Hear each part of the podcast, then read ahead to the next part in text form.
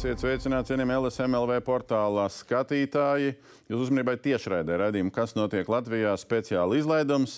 Raidījums sērijā, kas jādara Evikas Siliņas valdībai. Raidījuma sērija, ko mēs veidojam kopš oktobra pirmās puses un um, mēģinām iziet cauri visām jomām un izējām cauri visām jomām, kur mainās politiskā vadība um, resoros, ministrijās, ministra amatos un uh, mainās politiskais spēks, kas ir pievērsts. Līdz ar to tas papildus rada uh, jautājums, kas no līdzinējā turpināsies, kas neturpināsies, kas būtu jāturpina vai nebūtu jāturpina, un vispār kas būtu jādara vai nebūtu jādara.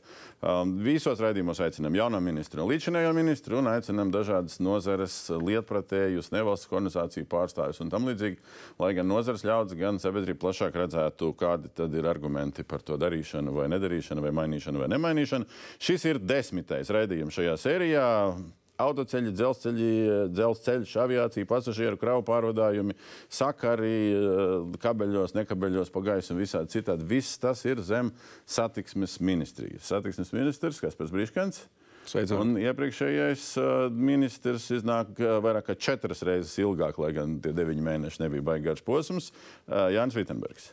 Sveiki. Iepratīm um, viņiem, kā jau saku, šai pusē žūrija, Latvijas pašvaldību savienības priekšsēdis Gins Kaminskis. Labdien. Uh, Latvijas Stividora, tātad ostā strādājošo kompāniju asociācijas padomas priekšsēdētāja vietnieks Ārs Ozoliņš. Labdien. Uh, Ceļu satiksmes drošības lietpratējs, viņš arī lektors Tehniskā universitātē Altnebiļa katedrā, Oskars Irbīts. Sveiki. Un cilvēks, kas ir um, saistībā ar to sakaru jomu, devis uh, padomus iepriekšējā valdībā vienam ministram, bet ne, bet ne klātesošajam. Šobrīd TET kompānija attīstības direktors, mobilā telefonā padomus loceklis Kristis Avots. Labdien. Labdien. Es, kungi, gribētu iesākumā tādu, pirms mēs iesim katrā jomā iekšā detaļās un droši vien stāstīsim uh, nu, visās jomās, kas nav un, un cik naudas nav. Es gribētu sākt ar tādu kopskatu. Tad, tad um, nu, mums valstī valstī ārējā drošība, iekšējā drošība, veselība, izglītība, prioritātes. Uh, un tur tā nauda arī 24. gada budžetā aiziet visvairāk. Nu, satiksmes jomā palielinās tas skaitlis no 700 dažiem desmitiem uz 700 daudziem desmitiem miljonu, bet nu, tas salīdzinājums proporcionāli nav liels. Visas šīs nozares tā vai citādāk stāsta, ka naudas trūkst. Nu, ceļiem trūkst, pasažieru pārvadājumiem trūkst, dzelzceļam uh, trūkst. Nu jau, nu jau labu brīdi dzelzceļš mīnusos. Ja? Satiksmes drošībā jāgulda, sakaros jāgulda, vēl kaut ko, vēl kaut kur jāgulda. Un visa tā ainava, uh, un, un līdz ar to, lai cilvēki kaut kā normāli funkcionētu, un visa tā ainava neliecina, ka kaut kādas būtiskas finanses palielināsies satiksmes jomai. Vai nav tā, ka vienkārši nu, tā kā līdz šim tādā sistēmā un tādā modelī funkcionēt vairs nevar? Es sākšu bijušo ministru.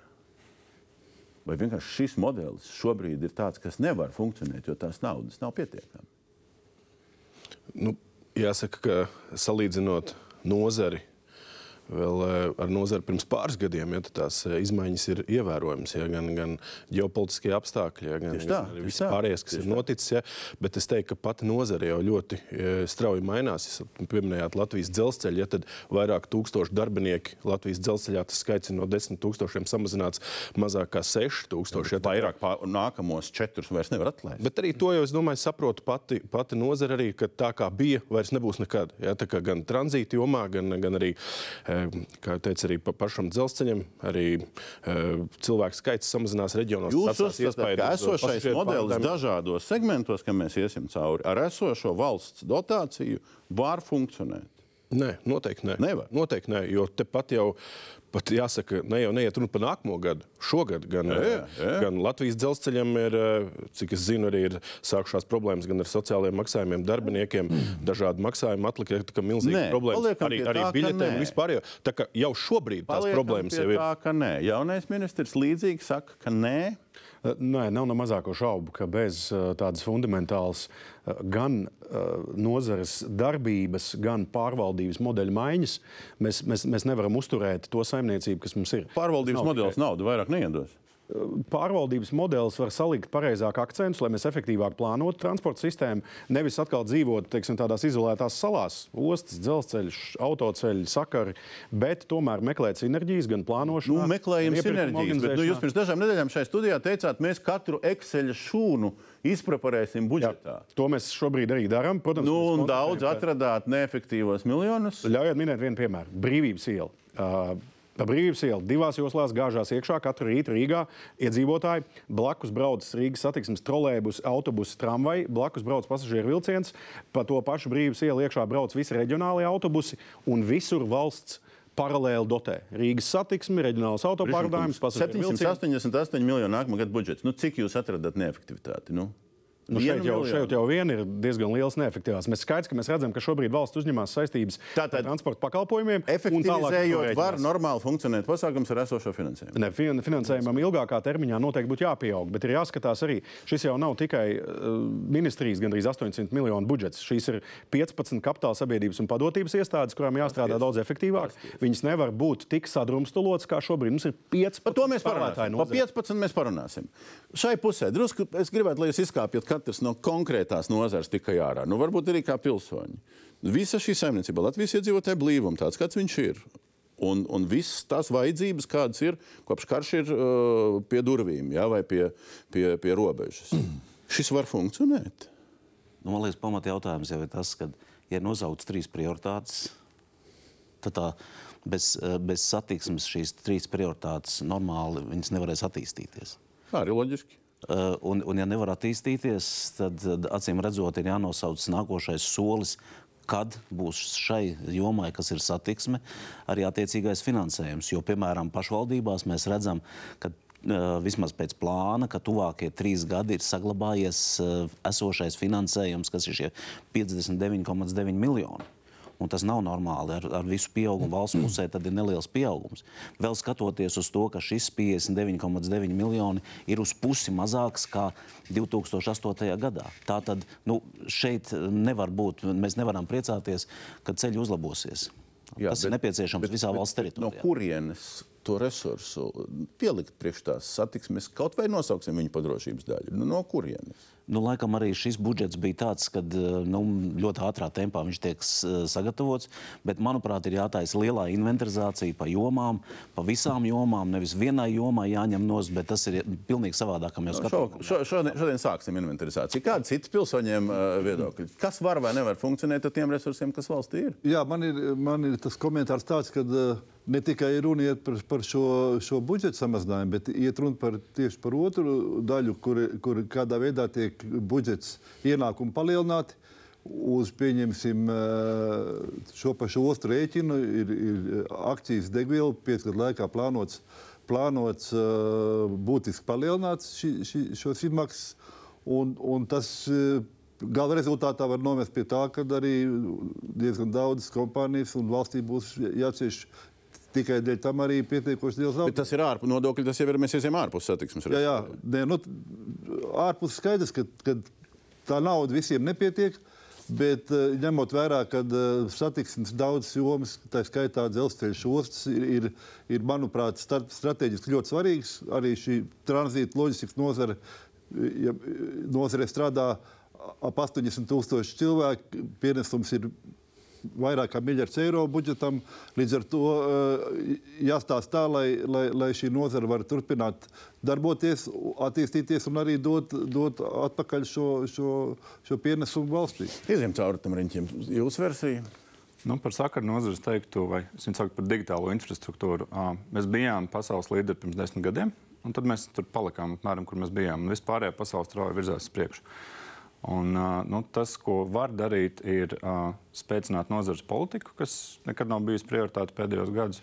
Un ir um, lietas, ko darīt normatīvajā pusē, lai ļautu nozarei uh, efektīvāk strādāt. Restīvi, neguldot to dotāciju iekšā. To Nu, nav. teiksim, šobrīd ir uh, nāk, nākamās paudzes sakaru tīkli, piemēram, 5G. Un, uh, lai izvērstu 5G tīklu, nepieciešams 30 reizes blīvāka infrastruktūra. Mums ir ļoti smagnēja normatīvā bāze, kā katrs stāps ir jāsaskaņo, kas prasa mēnešus, citreiz gadus. Ja? Atvieglojot šos procesus un sakārtojot to birokrātiju, faktiski mēs varam ātrāk par to pašu naudu izdarīt vairāk. Labi, pie tā mēs arī vēl atgriezīsimies, ejot cauri nozarēm. Nu, s- satiksmes drošība bišķi nu, naudu prasa. Nu, tā tikai uz normatīviem nevar. Ne? Nu, jāsaka, tā, ka ir, um, es biju no zinātniska viedokļa pastīšos šo jautājumu. Jo um, satiksme ir tāda lieta, kur mēs varam ciest milzīgus zaudējumus, ja viņi nefunkcionē kā vajag, un varam ļoti labi pelnīt, ja viņi strādā tā kā vajadzētu. Nu, no pašas satiksmes tiešā peļņa. Nu, tad mēs varam pārvadāt veiksmīgi kravas, neiet bojā līdz ar to negūt zaudējumus valstī, neradīt zaudējumus. Bet um, šobrīd varbūt um, manā nozarē vismaz ir tā, ka varbūt ne tik daudz ir šīs finansējuma jautājums šobrīd aktuāls, cik ir normatīvo aktu jautājums aktuāls. Jo um, svarīgi ir vispirms izpētīt, tātad, ko mēs varam darīt, kurā virzienā iet. Un šobrīd ir vairāk traucējoši faktori, kas mums to kā neļauj izdarīt. Arī atgriezīsimies detaļās. Bija te replikas. Vitsenberga kungam ir replika iepriekš vēl. Jā, nu, par, par eh, tām prioritātēm. Nu, gribētos, ka mēs ejam redzējuma laikā cauri tur katrai jomai, gan dzelzceļam, gan visiem. Ja, tad eh, nu, skaidrs, un, eh, ka būs nepieciešams papildus investīcijas, jo dzelzceļu finansē visas Eiropas Savienības valsts. un Naivi cerēt, ka pie šī krava apgrozījuma Latvijā to varētu iztikt bez finansējuma. Un te būtu vienalga kādas, eh, kādas reformas. Ja, vienkārši tas ir jāpieņem kā fakts, ka Paie- turpmāk dzelzceļš būs finansējums. Paiesimies vēl pa kopbildu. Pa kopbildu. Dombrovkungs, par jūsu tēzi par to, vai satiksmes nozare ir pelnoša. Jā, protams, ir pelnoša. Šobrīd tā konjunktūra, protams, ir mainījusies, jo ir sabrucis tas ilggadējais uh, Krievijas kravu tranzīta modelis. Līdz ar to ostas, ostu un dzelzceļa ieņēmumi ir kritušies, bet to kompensē pieaugums autopārvadājumos, aviācijā, nozarei kopumā. Ja mēs vēl pieskaitām digitālo pakalpojumu eksportu, ir 2,5 miljārdu eksporta. Ne, nozara privātā Miljardi. sektorā, jā, es pa valsts budžetu. Tādā tur, protams, viņš ir valsts- mīnusu, mīnus palielinājums vienkārši ir. Jā, bet viņš ir iespējams. Šeit es piekrītu arī ļoti Kaminska kungam. Mēs nevaram iedomāties drošību, veselību, izglītību kā mūsu prioritātes bez šīs transporta. Infrastruktūras. Un nu, es ļoti piekrītu arī tam, ka digitālā infrastruktūra satiksmes ministrijā nu, vienmēr ir bijusi tāda mazākā brāļa lomā. Paiesim Mēs mēģinām viņu vienu brāli pēc otra. Um, te tāda bildīte, es nezinu, ja Latvijas valsts ceļi nemelo. Bildīt pa autoceļu, kā Minskungs pieminēta autoceļu finansējumu. Nu, valsts, protams, mēs neesam vienādā izmērā. Nu, Igaunija attiecīgi ir summās mazāk, bet valsts mazāk. Nu, Lietuva tur ir būtībā tā, rūpīgi runājot, divreiz lielāks ceļu finansējums. Un, ja te vēl Vitsenberga kunga laikā vēl izsit tur kaut kāda papildus 11, cik bija 11,5 miljoni, 45. izsit kaut kāda, nu, tur vienā pozīcijā 11 vēl. Ne, 45 kopā pa trīs U, gadiem. Jā, tieši jā, jā, jā, ceļi. bet nu, tagad uz nākamo gadu vairs nekas nav klāts. Nu, un tas nozīmē, ka jūs varat, ka Vinskungs vēl parakstīt to domstarpību protokolu, un vēl parakstīt domstarpību protokolu, ka vairāk naudas nav. Un viss, vai arī jūs redzat, ka kaut kāds uh, tas modelis ir iespējams pamaināms. Jā, es redzu. Un ne tikai tā, protams, tā ir nevienošanās. Man jāsaka, ka vasarā katrā ziņā ar satiksmes jomu, ar, ar bijušo ministru, ar tagadējo ministru ir šī sapratne, ka ir pašvaldībām vajadzīgs šis finansējums. Tālāk viņš iestrēgs un kopējais valdības viedoklis paliek kā domstarpība, un mēs paliekam uz 59,9. Bet tas, kas ir šobrīd, ir laikam jau ir eh, rīkojums un uzdots ir satiksmes ministrijai līdz 1. jūnijam nākt ar redzējumu, kā sakārtot šo sistēmu un kādi būs tie līdzekļi. Un te ir noteikti, protams, mēs, mēs nākam palīgā, mēs nākam ar visām šīm lietām, bet te ir ļoti liela atbildība. Un tad varbūt jāatgriežas raidījumā un jāapskatās, kāds tad ir šis redzējums un kur tad ir šie arī līdzekļi tiem pašiem vietējiem autoceļiem, pašvaldību dotācijām un tā tālāk. Nu, bet, bet tad nocitējam. Jā, tad, tad satiksmes ministram līdz 1. eh, maijam izstrādāt iesniegt ministra kabineta informatīvo ziņojumu par tranzīta ielu finansēšanu, mērķa dotācijas apmēru pašvaldību autoceļiem un ielām noteikšanas principu pilnveidas iespējām. -hmm. Jums ir versija, kas būtu līdz 1. maijam jāizdara. Kādām pilnveidas iespējām? E, Protams, ka mums ir versija. Mēs redzam, e, mēs esam piedāvājuši arī šo pašu pieaugumu, kāds ir e, valsts pusē. Mēs redzam par šiem līdzekļiem kaut vai nevis ar budžeta likumu piekoriģēt šos līdzekļus, bet šis autoceļu jau finansējumā vai, vai parādīts, cik no akcijas pienākās. Un, ja mēs uz šo paskatītos, tad pašvaldību pusē šogad tiem vajadzēja būt plus 3 miljoniem, nākošais gads 3,6. Pirmais atrisināmais jautājums. Tranzītielu jautājums, kur, kur arī mums um, faktiski bija kopīgs viedoklis, kad ir nepieciešams finansējums ar, ar papildus uh, diviem miljoniem, kas ir nebūtiski. Bet, kā mēs zinām, Salacgrības tilts vien maksā vai prasa 19 miljonus. Ja ir jāiet- Tātad šis risinājums. Jā, bet jautājums ir, ka šis risinājums tā vai citādāk atņem resursus budžetā citām nozarēm. Nu, Viņš naudu jau nerodās. Bet mēs vienā valstī dzīvojam taču. Ne? Jā, un Tā viņiem arī ir vienota sistēma. Tiklīdz mēs struktūrāli sadarām, tad mēs es- laikam esam. Ko var izdarīt citu nekā tā vai citādāk, beigt ar to, ka vajag vairāk naudas? Nu, ir di- divos līmeņos skatāmies. Pirmkārt, pozitīvs signāls nozarē ir tas, ka neskatoties uz to, ka mums transporta sistēmā kopumā ir milzīgi finanšu caurumi, mēs redzam, Vitsenberga kungs jau akcentēja dzelzceļa infrastruktūras uzturēšanu. Ja pirms desmit gadiem mums bija 65 miljonu tonu pārvadājumu, tad šobrīd ir 15 miljoni. Tas ir 4,5 reizes mazāk. Līdz ar to tie ieņēmumi, kas savulaik palīdzēja uzturēt dzelzceļa infrastruktūru pilnā apmērā, mums nav un visticamāk tādā apjomā vairs nebūs. Var Tad mums ir nesaktas saistības, ko valsts ir uzņēmusies attiecībā uz sabiedriskiem pārvadājumiem, kur arī izmaksas runājam par ceļu būvi. un atjaunošanu. nokļūšu līdz, līdz ceļiem. Attiecīgi, pie visiem šiem spiedieniem no dažādām pusēm mums tomēr budžetā izdevās autoceļu fonda programmu saglabāt prognozētajā apjomā. Tagad mums, protams, ir jāpaskatās, kā mēs varam saimniekot efektīvāk. Es esmu sācis šo procesu ar nozares nu, tādu visaptverošu funkcionālu auditu, un eventuāli no tā izrietēs mans piedāvājums par to, kā nozari pārorganizēt. Es neveltu pieminēt tās Audits, 15 ko jums audits iedos? Tad jūs mēģināt Daudz- barot mūsu solījumu, ka jūs atradīsiet neefektīvi izmantotas līdzekļus ceļu būvē? Jā, tā ir skaitā, bet visā sistēmā. Ja nu ne? Tāpēc saku, man pat uh, Gogoļa ielā 3, kur atrodas satiksmes ministrija, atrodas gan Latvijas dzelzceļš, gan Latvijas valsts ceļš, gan dzelzceļa administrācija, dzelzceļa tehniskā inspekcija. Un tajā pašā laikā visu šo saimniecību varētu plānot, pārvaldīt, koordinēt daudz efektīvāk. Un tur parādītos ietaupījumi. Bet mēs Ja neizdarām. bijušais ministrs būtu ministrs, viņam iedod šitādu uzdevumu. Ko citu? Ne, nu, jau audits, audits, ir, audits ir veikts, un eh, man ir eh, tabula par valsts autoceļiem. Kopumā 20,000. Redzam, nu, ka tā situācija, kur ir labi, eh, ļoti labā stāvoklī, ir zaļo, pa vidu ir eh, vidējā stāvoklī, braucam, un tad eh, augšējā sadaļa ir tie, kur ir sliktā stāvoklī. Ja? Un redzam, ka tā situācija nedaudz ir eh, uzlabojusies eh, zaļajā sektorā tieši uz galvenajiem ceļiem, ja? bet vietējie laukos fonā. Labi, labi, labi, Ko jūs darītu? Nu, ko, kā Ne, tur ir nepieciešama papildus līdzekļi. Ja, ja, ja Papildus līdzekļi. Bišķ, bišķīt ir dabūts, ja es teiktu 45 miljoni, bet tas nerisina visas Ja, problēmas. ja Briškana kungs saka, ka auditēsim, tāpēc, ka naudu kaut kur nozaudēsim, Nu, sauksim lietas īstos vārdos, tad jūs laikā naudu izzāk, tad tā iznāk. Ja? Nu, ļoti vienkārši. Varbūt pirms tam viņš domāja, vien, ka ne jau viņš tā gribēja apvainot. Bet, nu, redz, un mēs spējam par viņu. Bet arī prioritātes ir jāmaina. Ir jāpaskatās, kādā veidā mēs vispār plānojam to autoceļu fondu izlietojumu. Mēs esam uzlikuši tagad šo jauno papildus prioritāti pārvirzīt daļu no autoceļu fonda investīcijām satiksmes drošības infrastruktūras stiprināšanai. Tad mums ir jādomā, kā. Tad mazāk kilometrus atjaunosim, ja, jo Ja vairāk drošības. šādas izvēles, vai sabrukušu nu, ceļu atjaunot, vai uzlabot satiksmes drošību kādos noteiktos melnajos punktos. Lai, jo, jo mēs, un šī ir kritiskā, Šī ir dilemma. Dilemma. Šī ir dilemma. Vien- Viena lieta, ļaujiet pieminēt, un eks- eksperts noteikti apstiprinās šo, ja mēs varam Latvijā pazemināt kustības ātrumu uz autoceļiem par diviem km stundā, mēs varam izglābt 20 dzīvības. Šī ir, ir dilemma šobrīd. Vairāk uh, tur un mazāk segumos. Nu, īstenībā jau ir tā, ka tas viss ir saistīts savā starpā.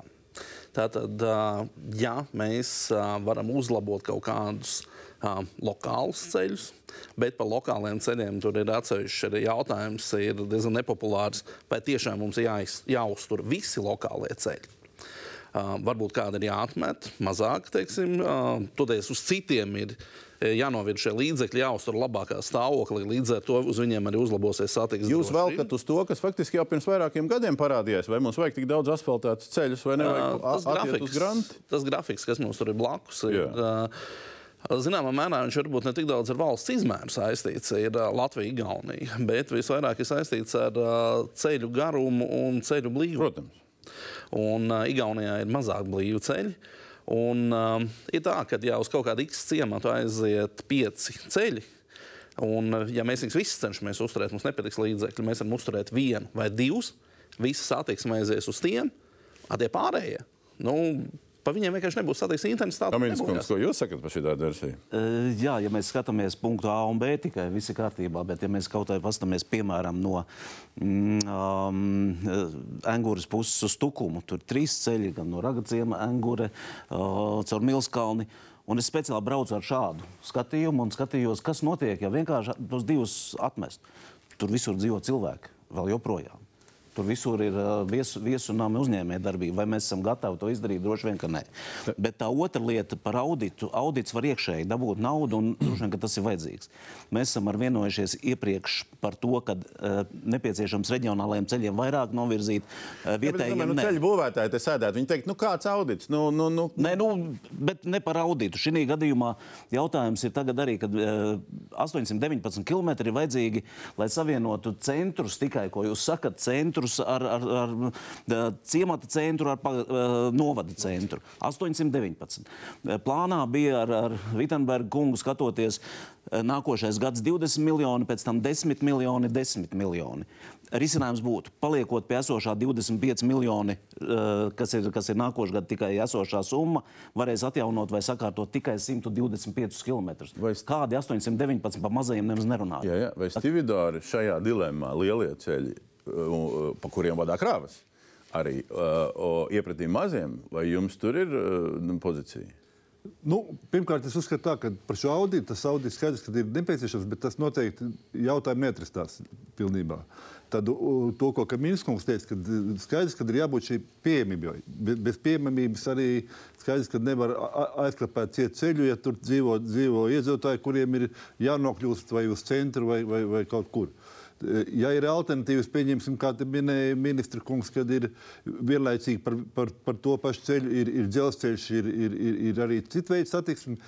Tas, tas, tas ir jautājums par ostām, kas attiecās. Tad skaidrs, ka uh, iekšējie ceļi un viss iekšējā infrastruktūra, kas ir pašā ostā, vismaz Liepājā, Rīgā, Ventspēlī, to dara paši komersanti. Viņi šos ceļus arī Ne, nu, ostā, protams, bet arī uztur. mazi kilometri. Par tiem ceļiem, kas ir, kur, kur tiek transports, skaidrs, ka mēs, mēs eh, arī, arī veicam maksājumus infrastruktūras uzturēšanai.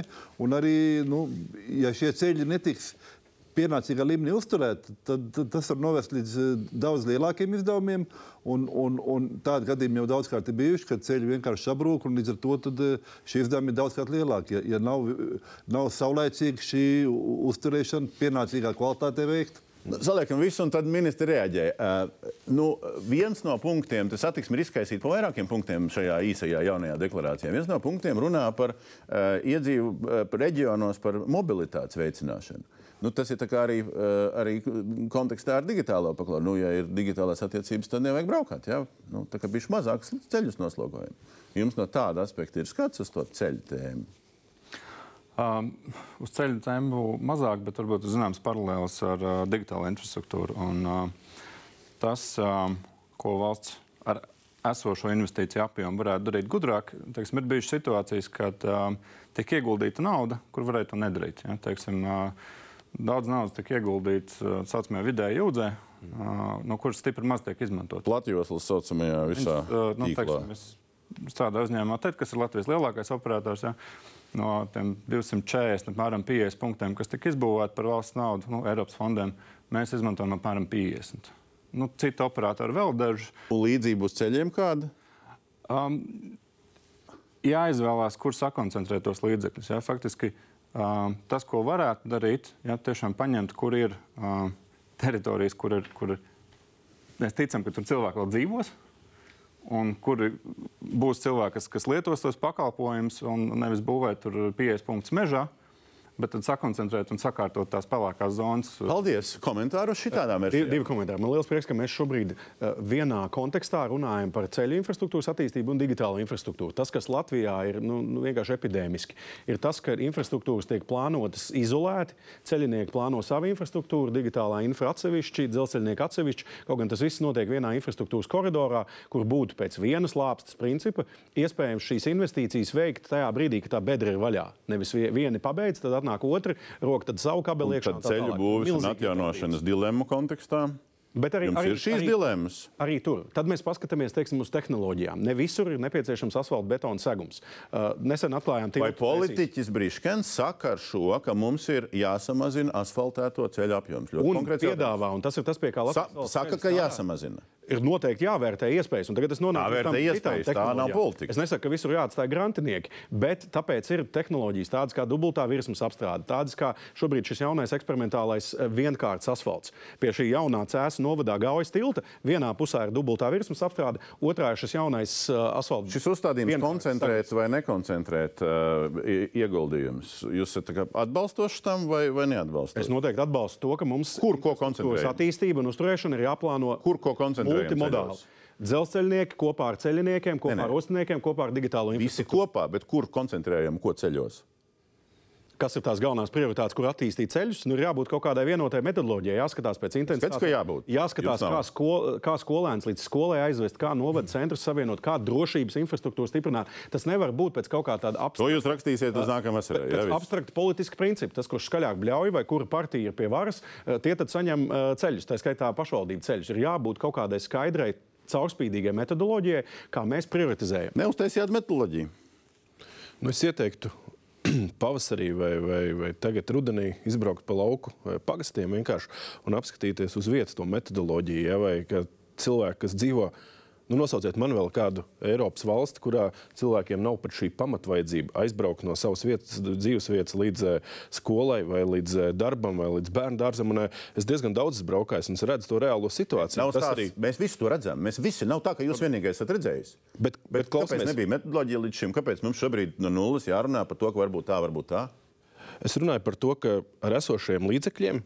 Tas, kas šobrīd ir var taisīt, ir kāda metodoloģija jūs gribat, bet ir jautājums, nu, ka ir nu, plus mīnus tie 200 miljoni. No tā ir vajadzīga nauda pašvaldībām, e, ielu dotācijai, ja, ir vajadzīgs e, gan e, ceļu remontiem, uzturēšanai, e, jaunu ceļu būvēšanai. ja. metodoloģijas, cik gribat. Tā jūs- Nē, nu, sāpēs, sāpēs vai nu celis vai roka. Tā kā šajā gadījumā ir paņemts nost vietējiem ceļiem. Galvenie reģionālie ceļi stāvoklis ir uzlabojies, vietējiem ceļiem stāvoklis ir pat pasliktinājies. Ja, tad šajā gadījumā, ja mēs gribam tālāk, valdība grib runāt par izglītības reformu, eh, veselības reformu, ja nevar aizbraukt līdz eh, skolai. Līdz tam novada centram, vai kur ir plānots tās skolas vai slimnīcas atstāt, tad tas vispār nav iespējams. Jā, nu, Sabiedrība šī fona, tad, uz šī fona tad, uh, paskatāmies uz šo vienīgo punktu valdības deklarācijā, kurš viss ir par satiksmi. Šur tur viņš vēl ir pieminēts, jā, bet šis ir vienīgais punkts. Ilgtspējīga pasažieru pārvadājuma un satiksmes infrastruktūras attīstības un pārvaldības modelis, infrastruktūras attīstības modelis. Attīstības mēs jau te runājam, tikai lai saglabātu kaut ko. Mēs par attīstību šobrīd līdz šim nerunājām. Ja? Un dzelzceļš kā sistēmas mugurkauls. Ko jūs zem šī punkta esat sapratuši vai runājot ar ministru dzirdējuši? Stīvda runāja ministru, jūs arī runājāt. Ko jūs saprotat, ko tā valdība izdarīs? Ne, nu, gan jau pie tā tiek strādāts vēl. Jo ir valsts galvenie ceļi, ir reģionālie ceļi. Bet divi mēneši Mēs- būs pagājuši. Mūsu līdz šim sarunām mēs tikām līdz valsts arī šiem vietējiem ceļiem. Pa pašvaldību jau mēs nerunājām par šiem, kur pietrūkst. Tas ir valsts vietējie, tie 819 Jā, km minētie, kur tikai 125 uzlabos. Un tur ir šie skolēni. Tur ir šie jā, cilvēki, kam jānokļūst uz, uz veselības uh, iestādēm, un arī mājās jānokļūst. Un būtībā šis jautājums jau ir jāatrisina bez papildus līdzekļiem. Šie 200 miljoni, ko, ko Vitsenberga kungs minēja, tie arī ir vajadzīgi, lai šīs teritorijas Jā, jā, sakārtotu, bet Kaminskungs- neierēķinot mazos ceļus. Jā, bet ja mēs nu, atkal domājam, kā dzīvosim mēs pēc kaut kāda laika, attīstot infrastruktūru mugurkaulu izveidojot. Ja? Mums nav mugurkaula. Kā? Nu, kā? kā? Kas tas būs? Kam tur ir jābūt? Nu, kas jādara valdībai? Nu, mums arī nāk palīdzīgā Lietuviešu Igaunija vai dzelzceļa līnijām Nu, pasažieru pārvadājumā. pirmkārt, eh, es redzu, redzu risinājumu, kas, kas jau mēs ļoti ilgi par, par to runājam. Kad uh, skaidrs, ka ceļu uzturēšana arī, arī šīs izmaksas ir, ir saistītas ar šo kravu intensitāti. Cik daudz kravas un, un, un, kādas tiek, tiek pārvadātas.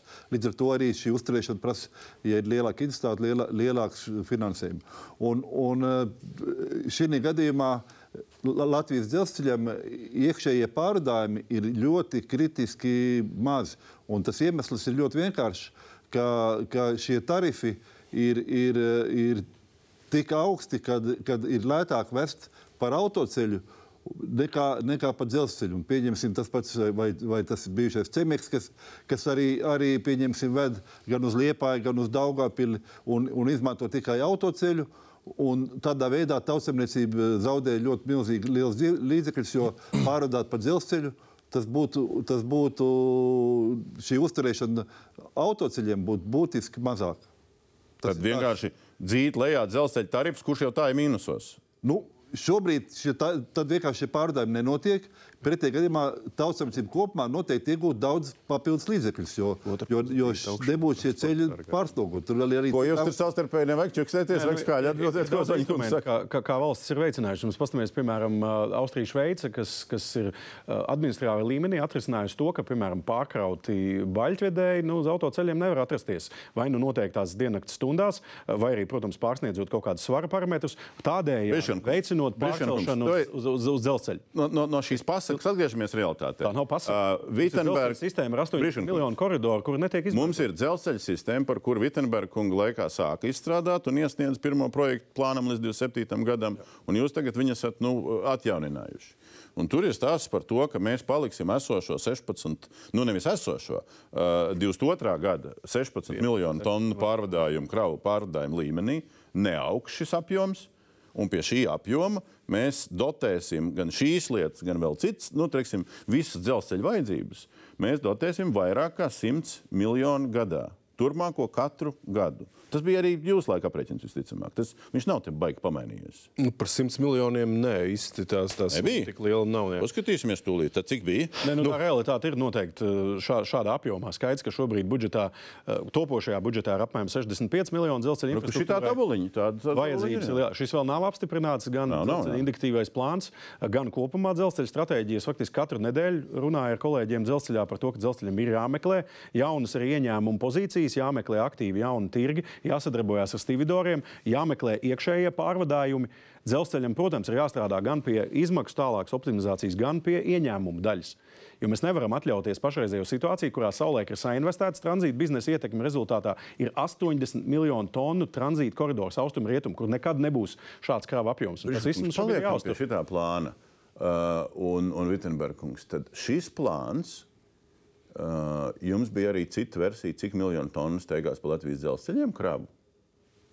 Nu, bija uzdevums, manā laikā ar dzelzceļu vadību runājot, bija tas galvenais uzdevums bija meklēt, ko mēs varam salasīt šeit uz vietas Latvijā. Ja, ja 60 miljoni vēl aizvien brauc pa ceļiem, ja, tā kā smagās automašīnas, tad daļa no šī var uzlikt uz dzelzceļu. Un es teiktu, ka līdz šim arī vēl. Dzelzceļš bija kaut kādā brīdī arī dzīvojis vēl tajās gaidās par to, ka būs tā, kā bija kādreiz. Ja? Un tāda individuāla pieeja komersantiem, lielajiem komersantiem arī meklēt iespējas, kā arī uh, kravas savākt šeit uz vietas. Nebija aktivitātes Lietuva, Igaunija. Ja? Kā, protams, tie nebūs uh, nezinu, desmitiem miljonu tonu, ja? bet uh, Pagā, nu tad jūs sakat, Vairāk kā jūsu 16 laikā jūs var būt, kaut ko mēģinājāt uzdot darīt, un jūs neklausījāt ko. Nē, mums, bija, mums bija, bija veiksmīgas sarunas arī ar eh, piesaistot eh, gan, gan ostu pārstāvus, zemniekus, eh, lielos uzņēmējus, un arī dzelzceļš sagatavoja nu, atsevišķu tarifu. Nu, redz, bet, un, bet veiksmīgums mēs skatāmies, mēs te, salikām te pēdējos, pēdējos gadus, ja nu piektais gads ir šis, ja, salikām to statistiku. Nu, krīt visur, nu tie deviņi mēneši, protams, 23. gada, ja, ne, ne 12. Bet nu, tās nav trīs ceturdaļas no pagājušā gada. Liepā jau tur turās tā kaut cik, ja, bet arī nesasniegs pagājušā gada apjomu. Nu, visas pazīmes tā liecina, ja. Nu, nu, tas liecina, ka Tas nav fakts. Nu, labi, nu, labi, bet kopumā Latvija kopumā nu, kritīs krāva apgrozījumā. Vien, nu, tas ir acīm redzami, vai ne? Un tas ir gan pa ceļu, gan pa dzelzceļu. Vai ne? Jā, A- šobrīd a- jau a- pus, kur- kur? vairāk kā puse ir par autotransportu. Jā, jā, bet, nonāk. bet tieši tā, bet, bet nu, nu, kur? Nu, nu, ko, nu, kā mēs vispār dabūsim tos 16 miljonus, ko jūs tur plānojat tajā projektā? Tas ir lielais tas izaicinājums, tāpēc arī šī prioritāte par modeļu maiņu. Uh, un es saku, viņi ir visos līmeņos, gan pārvaldības līmenī, gan attīstības līmenī. Ir visiem kopīgi, nevis tikai jābrauc uz izstādēm ar vienu logo, bet jāiet un aktīvi jāmeklē arī tās jaunās kravas, uh, jaunās rūpniecības attīstības iespējas, enerģētika, tā skaitā atkastes vēja parka attīstības kontekstā.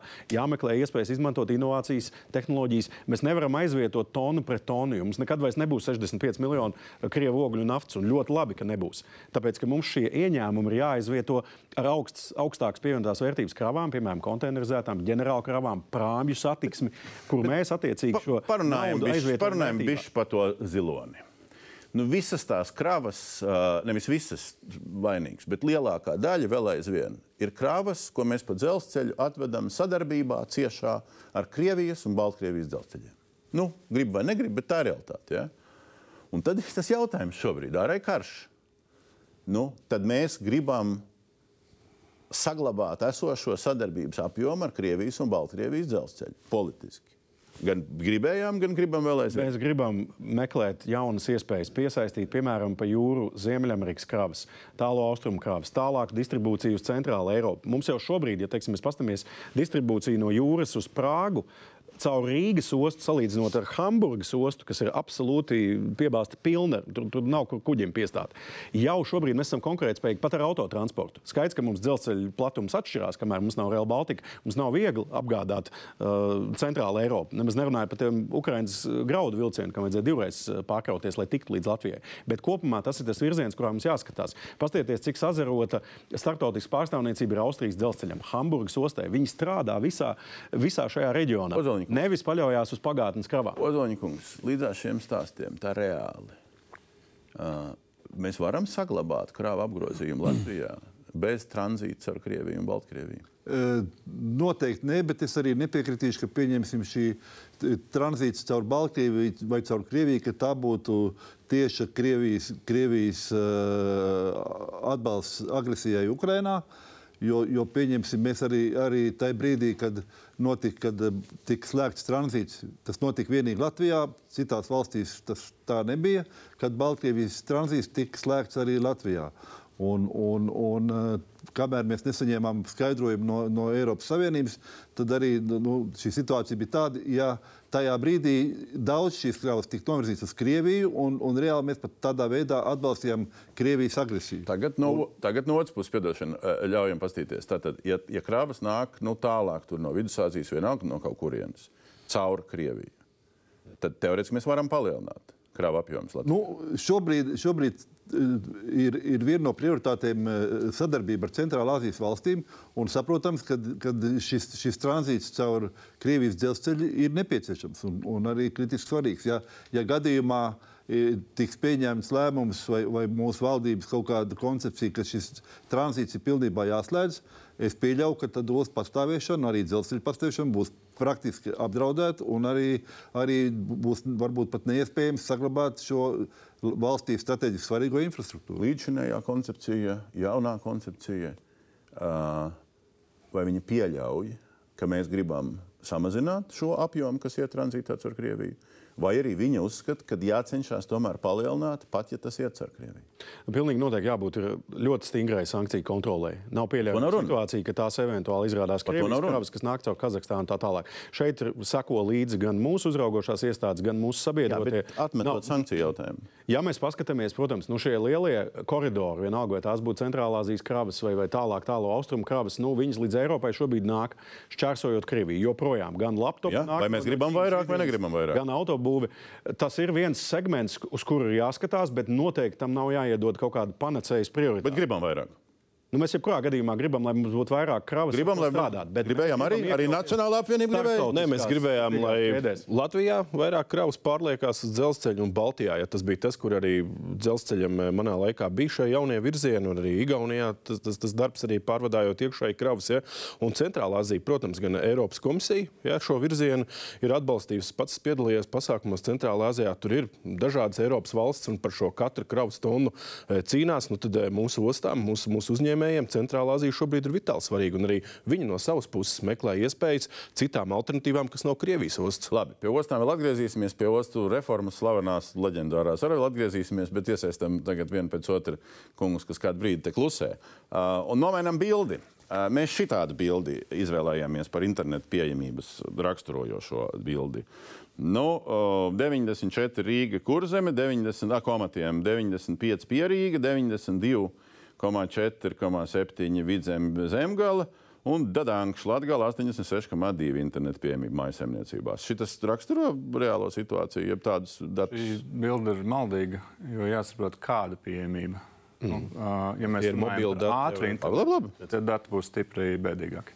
Centrālā statistikas pārvalde viņai jāmaina ir kaut kādi uzskaits principi, ja kaut kāds cits bildes Nu, jāatrod. tad- Mēs viņu neizdomājām. Ir Eiropas mērķis, Eiropas digitālās dekādas mērķis 2030, 100% maisaimniecība, ātrs internets, kas ir 1 gigabits uz augšu, mm -hmm. visas apdzīvotās vietas 5G.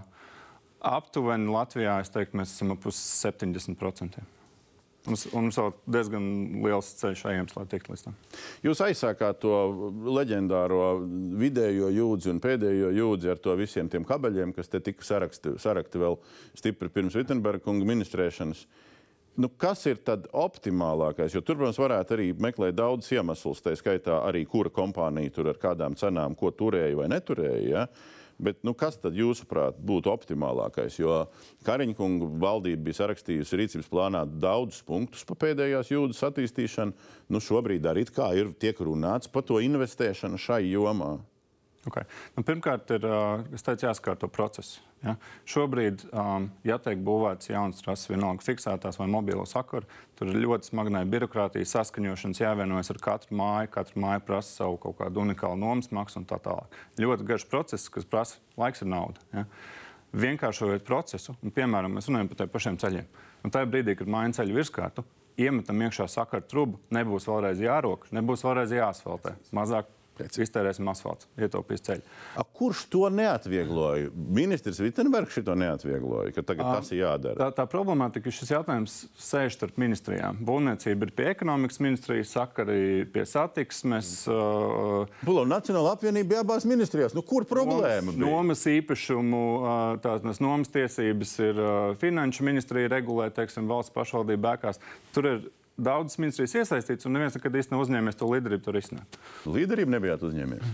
Bija viena, mums kā reiz bija, es atceros, labi viena saruna starp uh, sadalījuma tīkliem un uh, Latvijas valsts ceļiem tieši par, uh, par savienojamību. Ja, bet nu, tad, toreiz tas gala rezultāts tur bija nu, diezgan liels strīds izvērtās. Ja, un, pēc tam, ja kaut kas būs jāremontē, kas par to būs atbildīgs, teiksim, nu, vai ja tetam ir kaut kādas problēmas, un kas to maksās, ja, un noņemot teiksim, ceļu virskārti ja, vai veicot citus darbus. Ja, un toreiz tas kompromiss tur netika. Baigi labā saruna bijusi. Ne?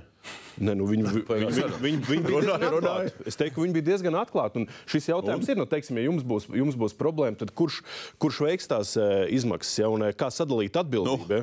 Nu, kurš veiks? Kā sadalīt atbildību? Nu, Tas jau notiek šobrīd. Tas jautājums ir teiksim, par pirmo posmu, vai, vai katrs infrastruktūras operators atbrauc un vēlreiz uzrūk to ielu, vai vienreiz sakārto un pēc tam kādam kaut kas noplīst. Mēs jau redzam, kur ir problēma. Mēs varam aizbraukt un konkrēti punktu atvērt un uh, sakārtot. Kaminskungs, ko jūs esat pieredzējis? Jo nu, valdības ir mainījušās, un šī problēma mums te stagnē. Mēs vairs šogad nerunājam uh, vienošanās domstarpību protokolā par pēdējos jūdas pieslēgumu. Jo tas No bija jūsu puses aktuāls. jūs vairs nerunājat? No mūsu puses mēs vairs neaktualizējām. Jo tas bija aktuāls šiem uh, infrastruktūra, kas sarakta zemē, bet netiek izmantot, kas sākumā tika minēts. Un, un tā, ir, tā bija ļoti nopietna problēma. Tie līdzekļi, kas uh, nu, vēl joprojām guļ zemē. Uh, Skolas, kas nevarēja saņemt šo, šo uh, internetu pieslēgumu, uh, risina jau savādāk. Jau tehnoloģijas strauji ir aizgājušas. Un Tas jau vairs Pagājuši. nav tā kā ne? vajadzīgs.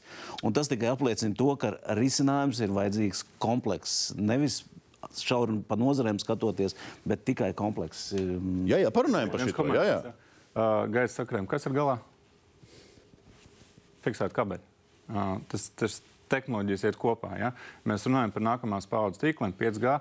30 reizes blīvāka infrastruktūra, kurai galā ir fiksētie tīkli. Līdz ar to mums tuvāko septiņu gadu laikā ir gana daudz jaunas infrastruktūras jāizbūvē, gan pa zemi, gan pa māju jumtiem. Un šobrīd, teiksim, ar esošo procesu, garantēti mēs uz 30 gadu to neizdarīsim. Tā ir viena problēma. Otra problēma par pēdējo jūdzi un teiksim, līdzfinansējumu.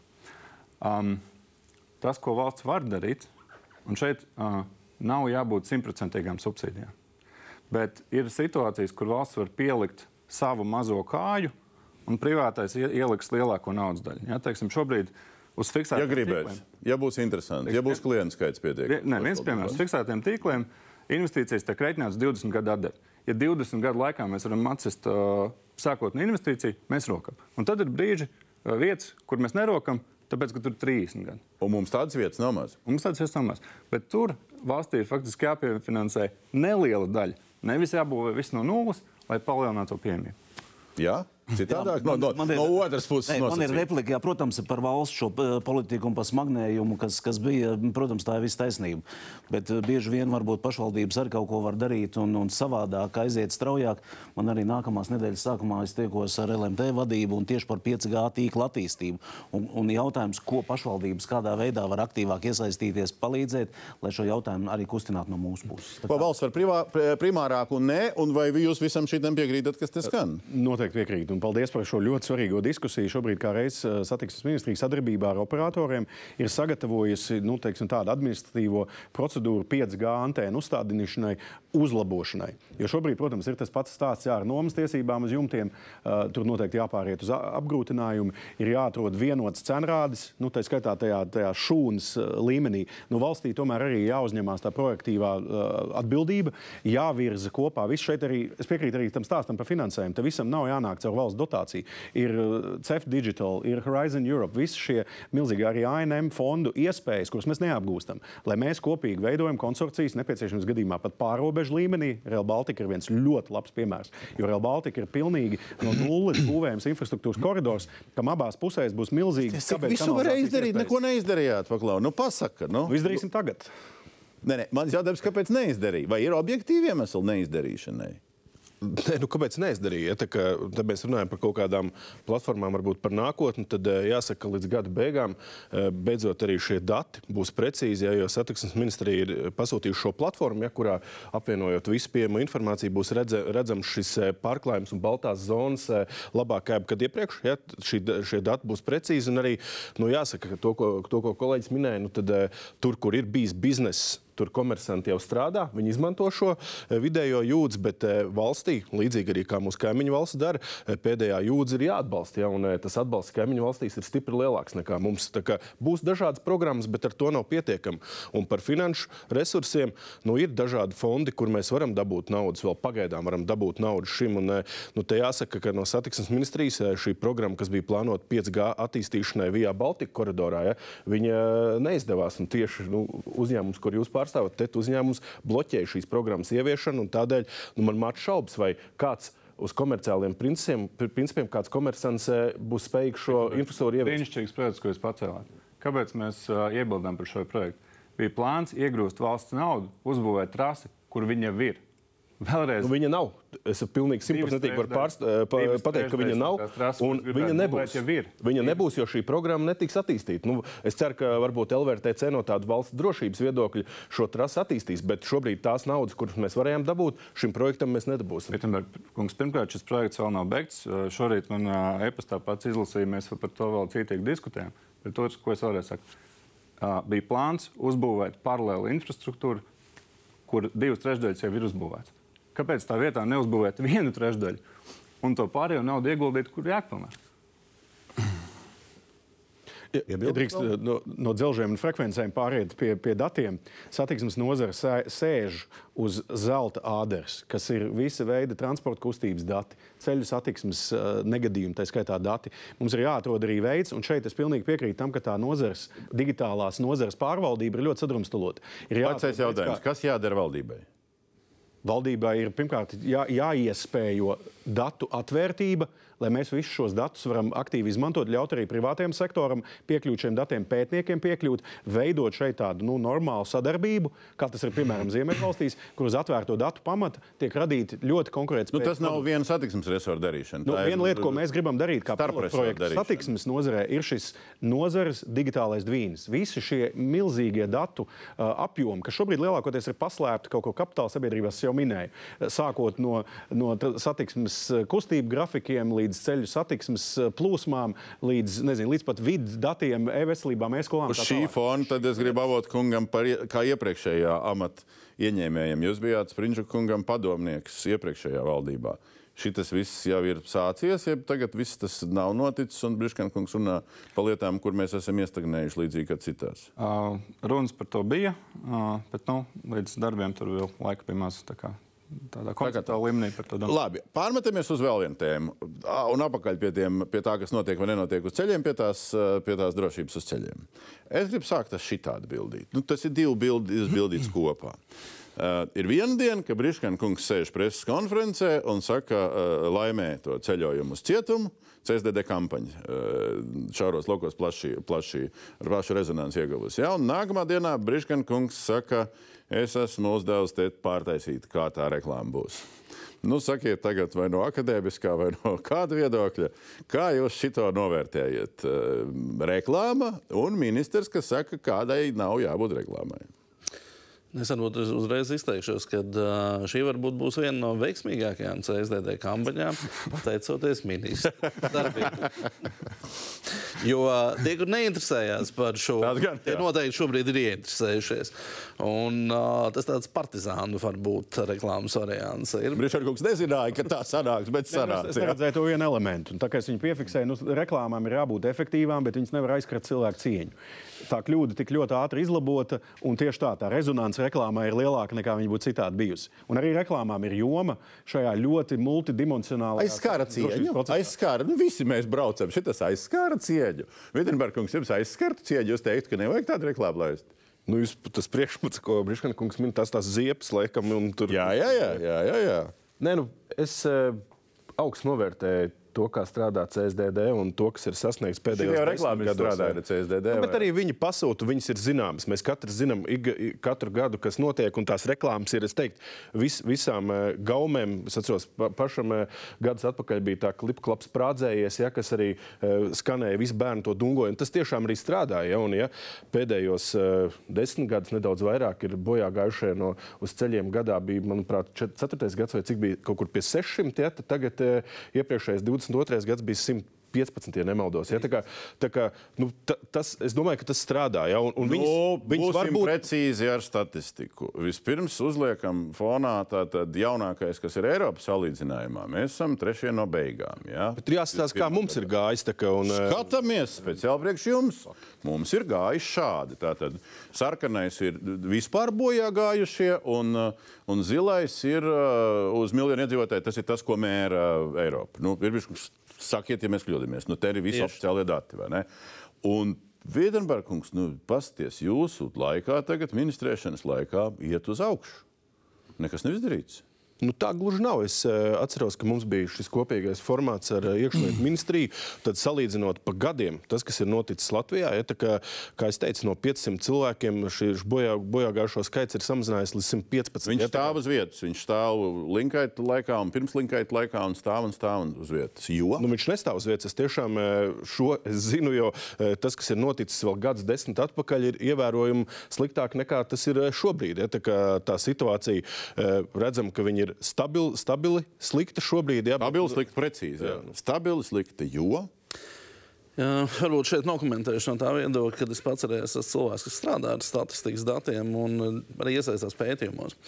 Tad, eh, ja šobrīd mēs esam satiksmes drošības jomā, nu tā, ar cirvīti esam pastrādājuši, um, diezgan rūpīgi to materiālu esam aptēsuši, bet šobrīd ir īstais laiks pievērsties bišķi smalkākiem instrumentiem. Un šobrīd tas, kas tiešām valdībai būtu jāizdara, konkrēts ierosinājums. Uh, savest kārtībā šos normatīvos aktus, tieši ko ministrs minēja par piekļuvi informācijai. Jo um, tātad būtiskākais jautājums, kas ir jāpēta, lai šos ciparus mainītu, kādi aspekti ietekmē bojā gājušo skaitu un smagi cietušo mums nav izpētīts. Šobrīd, uh, tur, kur ir smagi cietušie, pārsvarā ir krimināllietas. Tieši tā. Un uh, mēs, kā pētnieki, šiem datiem netiekam klāt. Oh, Tas ir krimināllietas noslēpums. nu, loģiski. Jā. Un Kamēr viņi beidzas, pēc tam pēc tam, pēc tam viņi kaut kur pazūd vienalga. Tie dati ne, nenāk atpakaļ uz policiju, viņi nenāk atpakaļ uz CSDD. Un uh, šajā gadījumā ir, uh, lai mēs varētu runāt par efektīvu šo pētniecību, tieši lai atrastu instrumentu, kā mēs varam dzīt lejā šos ciparus. Kā mēs varam runāt, mēs bieži runājam par sodiem, par kaut ko tamlīdzīgu. Bet uh, mēs redzam, ka mehāniski tas nestrādā, ja mēs viņus palielinām. Mums ir vajadzīgs atrast tieši, kā iedarboties uz to visu. Un šobrīd ir vajadzīgs tas, lai tie, kas nodarbojas ar šo satiksmes izpēti, lai mēs tiekam operatīvi klāt informācijai, ko fiksē policija. Tas ir negadījuma starp, starpresoru uzdevums, vai ne? Kā izklausās? Iekšlietu Nu, ja ministrija, satiksmes ministrija. Jā. Šo- Šobrīd tieši pie šī strādājuma šis ir kritisks elements. Arī ceļu satiksmes drošības direkcija ir vērsus uzmanību. Tā ir nepieļaujama situācija, ka patiešām mums nav šie kritiskie dati, lai pēc tam pēc uh, nu, šādiem fatāliem negadījumiem vai negadījumiem smagām sakām precīzi izvērtētu. Un tad jau visos vektoros tālāk strādāt. Es uzskatu, ka jāstrādā arī ar sodu politiku un viņas ieviešanu. Tāpēc ir ļoti labi, ka šobrīd arī pašvaldību policijas gan ar tehniskiem līdzekļiem, gan uz ceļiem var kontrolēt uh, pārkāpumus un arī iekasēt sodus. Mēs skatāmies, ka ļoti labi strādā vidējā ātruma radari. Visiem, kam iepriekš likās, ka no, tagad viss brauks uz 80 un tas radīs jaunus riskus, nekā visos posmos, kur mēs redzam, satiksmes drošības situācija ir uzlabojusies. kur šie vidējās iespējami vairāk šie vidēji ātruma Tā radari? ir skaitā. Tāpēc es minēju, ka autoceļu programmas ietvaros mēs vēlamies redzēt investīciju pārvirzi uz drošības infrastruktūru. Tie ir gan radara infrastruktūra, tie ir kreisie pagriezieni, tie ir neaizsargāto satiksmes dalībnieku aizsargāšana, velojoslas, gājēju celiņi, tie ir apļveida kustības, daudz līmeņu šķērsojumi un tā tālāk. Visas šīs lietas, kas stiprina drošību. Un vienlaikus, protams, mums jāstāsta arī par gaumīgām, nevis Viss maksā bezgaumīgām naudu. kampaņām, jāskatās uz vadītāju iemaņām un jāstāsta, protams, arī uz mašīnu Un mēs skatāmies uz vadītāju iemaņām. Nu, es tā braukšu tagad, nu jūs skatīsieties. nu, daudz stingrāk to, to, tomēr skatīties, uh, piemēram, pie tiesību iegūšanas uh, teorijas uh, nosacījumus, nu, lai, teiksim, mums šobrīd jaunieši vēlāk caurmērā iegūst tiesības, jo nu, šobrīd Esošiem, tad mēs varbūt pārliekam, visiem eksāmenus uzliekam. Nē, mēs tiesim Nē, nu, ir kampaņas, kam būtu tomēr Nē, nē, es jautāju, ko jūs vēl ierosināt? Lielākais slepkava ir, ir ātrums. Nu, sabiedrībā ir jāsaprot, ka mēs braucam par ātru. Divu kilometru Varbūt ātrums, varbūt stulbums, dažādas slepkavas. Varbūt. vienmēr ir dažādi faktori. Tas ir faktoru kopums. Un, lai mēs zinātu, kas ir šie faktori, mums vajag datus. Jā, tas pilnīgi piekrīt, ka tos datus vajag. Un šajā gadījumā ir ārkārtīgi svarīgi. Mums ir, ja mums ir kaut kādā vietā, jau tie paši bojāgājušie visi, ir superīga tāda politika satiksmes drošības uzlabošanai, tas ir Vision Zero. Kas ir teikt, globāls pasākums, un uh, viņi balstās uz trīs nu, tādiem vaļiem. Jāsaka, kad viens ir infrastruktūra, uzlabojam. Uh, otrs ir transporta līdzekļi kā tādi. Tātad gādājam, lai pie mums viņi būtu jaunāki, drošāki. Nav runa par elektrobenzīnu vai kaut kas tamlīdzīgs, bet tieši šīs drošības sistēmas. Un pēc tam no visas tā 80% ir vadītājs. Un pamatēze šim Vision Zero ir cilvēki mēdz kļūdīties. Darām visu iespējamo, lai cilvēkiem būtu mazāk iespēja kļūdīties. Un tagad es iedomājos, tas pašvaldībā X. Tas cilvēciņš, kas brauc ar to veco, vienalga kādas markas mašīnīti, jā, nu, viņam ne vision, ne zero, viņš vispār knapi pārvietojās. Nu tā. Un, un mēs sitamies tāpat. Nu, restība, tas ir divs, divi ātrumi Latvijas. Nu, vecais stāsts par to, ka tās ir divas paralēlas realitātes. Tāpēc ir jāpanāk tas, lai mēs viņus varētu saskaņot. Un tad jau ir stāsts par to, ka, vai tas cilvēks, kas brauc ar to veco automobīlu, vai viņš apzinās, ka viņš brauc ar veco automobīlu. Um, Satiksmē var eksistēt pilnīgi supermoderns automobīls un vecs automobīls. Respektīvi, Bet jūs tie- gribat pateikt, nu, ja mēs apzīt. nocitējam šo 16. punktu valdības deklarācijā, kad veicināsim to sabiedrības izpratni par visu kaut ko, to starp to uh, drošību ceļu satiksmē, tad mēs tur, es nezinu, ar pašvaldībām vai bez tām pašvaldībām stāstīsim viņam, ka viņš nav sapratis, ka viņš brauc ar vecu automobīlu. Nopietni!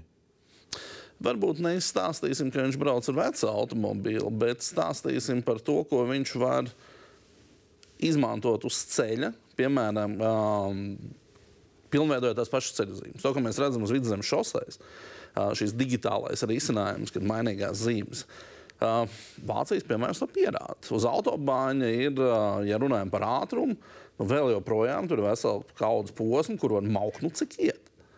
Vai ne? Nav ierobežots. Mm -hmm. Bet, lai mēs to varētu kompensēt, to trūkumu, mums ir jābūt super novērojamai infrastruktūrai, super visam pārējiem, kas mums ļaus attīstīt šo ātrumu. Tāpat arī gribam braukt ar vecu mašīnu. Nu, rūpējamies par iepām, rūpējamies par bremzēm. Viņš kungs tā dziļdomīgi tā smaida, neko aizsaka, bet smaida. Es padomāju to sākumu, kad mēs sākām runāt, un tā bilde bija par to ceļu. Nu, tur nav ne ātrumi, nekas tur vispār knapi var izbraukt. To granti, jā. To sakārtošanu, protams, ka tas ir vajadzīgs. Ir, ir ceļi, kur varam mašīnu arī noslīgt. Un šajās vietās vai vecu, vai jaunu, tik un tā tur noslīgs. Un, un nedaudz varbūt arī pieskaroties policijai, pašvaldību. Mums ir visu laiku bijis tas solis. Protams, ka būs iespēja pašvaldību policijai ar to nodarboties. Bet uh, es esmu teicis to, ka nu, pirmkārt jau pašvaldību policijas izveide ir, bija tā, ka valsts nespēja. Tagad mēs ejam vēl soli uz priekšu, nodrošināt drošību uz tā rēķina, jo valsts nespēja. Tas nav pareizi, ka mums uh, varbūt ir jādomā tiešām, kāpēc veidojās šīs divas policijas. Un, un varbūt tas ir pilnīgi cits jautājums, kas ir papildus jāatrunā. Bet, bet mums ir ļoti daudz arī pozitīvu piemēru. Ir mūsu ceļu satiksmes drošības indeks, tikko kā reizi saņēma balvas spēcīgākie novadi un pilsētas - Varakļāni, Alūksne, Līvāni, Rēzekne, Ventspils, Liepāja. No šiem piemēriem vajag mācīties kādā veidā gan pilsētvidē, gan reģionālajā satiksmē ieviest dažādu veidu, tā skaitā tehnoloģisku. Tur valdībai nav jādara nekas. Viņi lai ir, paši protams, tāpēc jau arī ir šis indeks. Es ceru, ka šādā veidā mēs šos labākos piemērus popularizēsim un vilksim līdzi arī tos, kas varbūt nav šajā topā augšgalā. Taisīsim jaunas kampaņas. Tur var būt kampaņa, bet tur būs ļoti arī praktiskas lietas. Tāpēc es visu laiku minu, ka automašīnu tā izglītošana. A, kā jūs izglītosiet bez kampaņas? Nu kā, ne, mēs pirmkārt arī investēsim infrastruktūrā. Es ļoti piekrītu šim Ziemeļvalstu modelim, ka tā ir arī valsts atbildība nenostādīt Īsais. uh, lietotāju tur, kur viņš neizbēgami izdarīs kļūdas. Tāpēc, piemēram, Zviedrijā, kas ir Eiropas līderis uh, satiksmes drošības jomā, ir šī, šī valsts atbildība nodrošināt infrastruktūru, kas, kas nerada apstākļus cilvēkam nepārtraukt kļūdīties un izraisīt uh, šādu veidu smagas Vēl replika, un tad ejam tālāk. aizsargāt lietotājus. Par pašvaldību šo, šo jautājumu pašvaldības malači sakārtojuši un pašvaldības ļoti guldi iekšā. Kādreiz vēl bija par to, bet tur valsts šis atbalsts nu, noteikti ir nepieciešams. Kādreiz uh, bija balvas tiem, kas ir ieguvuši un, un, šo laureātu statusu. Es nezinu, vairāku tūkstošu, desmitu tūkstošu pat apmērā par to, ka viņi to dara. Jo tas ir pašvaldība izdara un, protams, arī ar to ir jālepojas. Nu, es uzskatu, ka arī uh, Te ir papildus atkal līdzekļi. Mēs nonākam. Un finansējuma- es tieši gribēju teikt, ka mēs tādā izjām ar pēdējā jūdzē ir jāiegulda, infrastruktūra jāiegulda, ceļos jāiegulda, kravu pārvadājumu veicināšana jāiegulda. Visur ir jāiegulda. Un tad babām pieliekam vēl klāt šito bildi. Ja? Tas ir šī gada vai ne, viens no lielajiem virsrakstiem. Nu, viss nav ietilpīgākais. Nu, tagad, eh, pirmkārt, mums būtu nu, divas lietas mums būtu jāsaprot. Pirmkārt, kā tā gadījās, ka četras vai arī trīs reizes vienalga. Bet nu, kā tā, ka tagad dārgāk maksā tas viss, tas pamat, tā, tā pamattrasa nekā, nekā viss savulaik plānotais? Un otrs jautājums, nu, ja šitien tā vai citādāk vajag vairāk, mēs atgriežamies atpakaļ, ka visur citur būs mazāk. Kā gadījās šis sadārdzinājums? Nu, es varu runāt par savu laiku, Jā. ku- kur es biju ministrijā, par to, kā gadījās. Varbūt Briškana kungs var vairāk pastāstīt, jo viņš pie projekta ir bijis arī stipri, stipri sen. Ja? Tā Arī kā- versija? Tā, tur viņš droši vien varēs izstāstīt, kas tur, kas tur ir noticis. Bet eh, es atceros to laiku, kad eh, sāku vadīt satiksmes ministriju. Eh, Vēlējos saprast, kur projekts atrodas, kas ar viņu tālāk notiek. Un, eh, es teiktu, tas bija diezgan šokējoši. ka Par projektu es teiktu, sabiedrība bija maldināta eh, gan par to, kas reāli notiek, kad uh, iepriekšējais ministrs pirms manis, arī Linkaita kungs, vienmēr valdības sēdēs stāstīja, ka viss ir labi, mēs ejam uz, uz, uh, pēc plāna uz priekšu, bet tā aina tāda nebija. Kavējās gan projektēšana, no at, zemja, zemja atsevināšana no 1600 gabaliem, tur bija kādas simts, ja, eh, neskaidrības arī par šo finansējumu. Tā kā ļoti daudz problēmas, bet eh, es, es teiktu, ka katru no šiem jautājumiem mēs tālāk centāmies eh, risināt arī es teiktu, iztrūka tāda starpministrijas sadarbība, kur arī tas formāts tika, tika, tika, tika uzlikts. Uh. Iepriekšējā periodā, tā izskaitā, kur RB Reilā drusku bija arī Briškankungs klāt uh, un kā, kā darbinieks, tad nepareizi bija sarēķinājuši.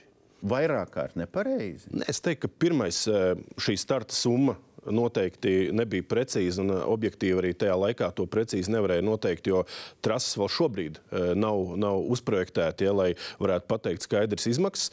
Arī no tiem pirmotnējiem uzmetumiem ir eh, virkni dažādas aktivitātes, kā es saprotu, nākušas klāt, kas agrāk nebija, gan drošības aspekti, ja, gan papildus dažādi infrastruktūras objekti. Ja. Tā kā, tas, es domāju, viss, viss ir komplekss, bet tā lielākā problēma ir tā, ka par šo projektu pirms tam nekad nebija runāts reāli, ka tas bija tādās augstās matērijās, vīzijas veidā, un arī, arī nu, jāsaka, ka lietuvieši Igauni ir turpat. Ja, es teiktu, ka tagad par to projektu runā reāli, ja, kā tūlīt arī būs pabeigts šis eh, eh, izdevuma iegūma analīze pēdējā, ja, lai redzētu tās patiesās izmaksas, arī ko šis projekts mums dos kā valstī, visam reģionam. Kā, es- Un arī tas minimālais apjoms, kas būtu nepieciešams naudas ziņā, lai, lai varētu uzsākt fiziski kursēt vilcienu. Un Otra- tas tā īsumā. Otra versija, kā tad tā gadījās un ka bija reāli vai nereāli. Konceptuāli es vairākām tēzēm nepiekrītu. Es, es, es vienlaikus vairākām tēzēm piekrītu, bet es uh, uzsveru to, ka, diemžēl, arī pēdējā gadā ir ļoti daudz iespējas pazaudētas. Tā ir skaitā mainīt šo ļoti sarežģīto, neefektīvo pārvaldības uh, ietvaru. Tad, kad es tiekos ar visām Real Baltikas ģimenes teiksim, tā, uh, pārstāvjiem, Nu, nereti katrs rāda ar pirkstu uz, uz otru. Latvijā jūs neatradīsiet, izņemot ministru, kas ir politiski atbildīgs par, par šo projektu, jūs neatradīsiet uh, vadītājus, vienu konkrētu cilvēku, kurš ir tas galvenais Latvijā atbildīgais par Baltica projektu. Jo tā sadrumstalotā struktūra gan ministrijas ierēdniecības līmenī, gan tā saucamā nacionālā ieviesa Eiropas dzelzceļa līnija līmenī, gan starptautiskā uz, kopuzņēmuma līmenī, kas ir novājināts līdz pēdējiem, īpaši šajos pēdējos divos gados. Un tāpēc četreiz vairāk jāmaksā. Nē, nu te es atkal piekrītu. Jā, sākotnējās aplēses krietni par zemu. Tāpēc savulaik Real Baltica kopuzņēmuma darbinieki jau 19. gadā cēla trauksmi par to, ka projekts kavējās, projekts sadārdzinās, projekts ir vāji vai, uh, pāraudzīts, vāji pārvaldīts. Tajā laikā, protams, ministra attieksme bija, nē, nekas traģisks projektā nav. Tagad mēs redzam, ka faktiski visas šīs prognozes ir piepildījušās. Es pats šī gada pavasarī, vēl esot uh, saimnes um, opozīcijā, rakstīju, ka Latvijas šis uh, kopējais uh, investīcija apjoms ļoti būtiski pieaugs. Es minēju pat specifiskas summas. nu, tajā inflācija, brīdī tas protams, bija, nu, skaidrs. ignorēts. Bet, bet svarīgais stāsts ir tas, ka mēs mēģināsim šo situāciju atrisināt. Šobrīd noslēdzās jaunā izdevuma iegūma analīze. Mums ir jāsaprot, kas ir tas projekta kritiskais apjoms, ko ir iespējams realizēt līdz 2030. gadam, lai ir funkcionējošs dzelzceļš. Jums vēl aizvien nav jauns virsraksts. Kāda summa varētu būt? Tuvākajā laikā būs. Mēs jau šobrīd esam sākuši skatīt scenārijus. Mana kritiskā prioritāte ir, lai mēs nevis vienkārši uzbūvējam metro līniju starp Tallinu un Polijas-Lietuvas robežu, bet lai mēs pilnvērtīgi aizstāvētu arī Latvijas intereses šajā projektā. Labi, labi, šajā tas jā, gadījumā bet- ir Rīgas integrācija. Varbūt ne pilnā bet apjomā. summa, kas tuvākā laikā būs, tā ir papildu summa no valsts budžeta. Nu, nekur citur viņa Ne, nu, tā jau gluži arī nav. Es pirmdien dodos uz Briseli, lai runātu ar Eiropas transporta komisāru, lai runātu ar citiem. Nē, kā uh, līdzfinansējums. Ne jau es nerunāju Jā. par visiem. Nu, skaidrs, ka šajā projektā nacionālais līdzfinansējums vienmēr ir bijis. Un, un šis ir liels? grauž uh, esošā, dze- nu, teiksim, to, tās intereses, kas ir esošās dzelzceļa sistēmas, vai jebkādu citu jautājumu finansējumu vajadzības. Nu, viņi sadurās. Tieši tā. Ko darīt valstī? Nu, mums ir kā vajag arī Real Baltica un it kā esošo vajag. Nu, manuprāt, šis Real Baltica projekts, kurš jau ir, ir, ir, ir diezgan sen jau, jau uzsākts, droši vien viņu, viņu iesaldēt vai diez vai būt prātīgi. Es neesmu redzējis precīzi šo izvērtējumu, kāda pēc tam arī tīri finansiāli varētu būt atdeva no šī dzelzceļa. Un, un arī šobrīd ir grūti prognozēt gan krāvas, gan pasažieru plūsmu, cik liela tā varētu būt. Bet skaidrs, ka tam jābūt kā biznesa projektam, kurš kaut kādā lielākā ilgtermiņā. Skaidrs, ka tā investīcija tā nav uz 10 vai uz 20 gadiem, tā ir uz daudz lielāku periodu, un līdz ar to viņai jābūt arī kaut kādā periodā rentablai. Ne? Viņa jau ir tomēr tas ir ekonomisks līdzeklis. Šī būs Latvijas un Baltijas nākotnes galvenā tirzniecības un savienojumības artērija. Pie tam ne tikai dzelzceļš, tā ir vesela ekosistēma. Latvija ir arī Rīgas ostā jāsavieno ar šo dzelzceļu. Lidosta tiks savienota, reģionālie centri, loģistikas infrastruktūra, tie būs pasažieru pārvadājumi, kravu pārvadājumi, investīcija iespējas, tā skaitā pilsētu vidē, digitālā infrastruktūra, gan visas ir frāzes, kuras 5G. mēs dzirdam gadiem, bet to tas- aprēķinu mēs ar- Es neredzam. ar šo mēģinu pateikt, ka tā nav vienkārši zemē nosviest, iztērēt naudu. Tās ir investīcijas, kas noteikti nesīs ilgtermiņa atdevi. Un arī Noteikti, izmaksa- nu, tas, tas ko es esmu redzējis, šie, šie jau pirmās teiksim, aplēses par izdevumu iegūmu analīzi, viņas ir pozitīvas. Ja mēs paskatāmies dažādi, ja mēs vēl paskatāmies šo visu drošības iegūmu, ko nav iespējams kvantificēt kaut kādās mon- monetārās izmērāmās vienībās, šis nav vienkārši eh, biznesa projekts. Ja viņš būtu biznesa projekts, tad privāti investori viņu būtu būvējuši. Labi. Šis ir strateģisks savienojumības projekts, kas, kas gadsimtiem ilgi Latvijai kalpos kā mūsu Eiropas savienojumības un drošības mugurkauls. Un tagad no šī sapņa, ja nu reiz pa pasažieru pārvadājumiem, paskatāmies uz realitāti. Man šī bildīte visvairāk iepatikās no pagājušā mēneša žurnālā. Ir publicētā stāsta, kā tos pasažierus ar tiem autobusiem nevadā. Un kā tās soda sankcijas ir tādas smieklīgas, un rakstam, man liekas, ir lielisks virsraksts, izdevīgāk nebraukt nekā braukt. Uh, nu, šito gan mēs nemetam ārā no domstarpību protokoliem, ja, Kaminskungs. Uh, un kamēr mums nav Real Baltica, un kamēr nav mugurkauls, kur visi aizies uz jauniem elektrovilcieniem, kas kavējās, ja, tikmēr mēs dzīvojam tur, kur mēs dzīvojam. Ko darīt jaunai valdībai? Jaunai valdībai domāt, eh, vai eh, pirmkārt nodrošināt finansējumu, kas vajadzīgi pasažieru pārvadājumiem. Vienkārši nu, atkal miljonus eh, iekšā.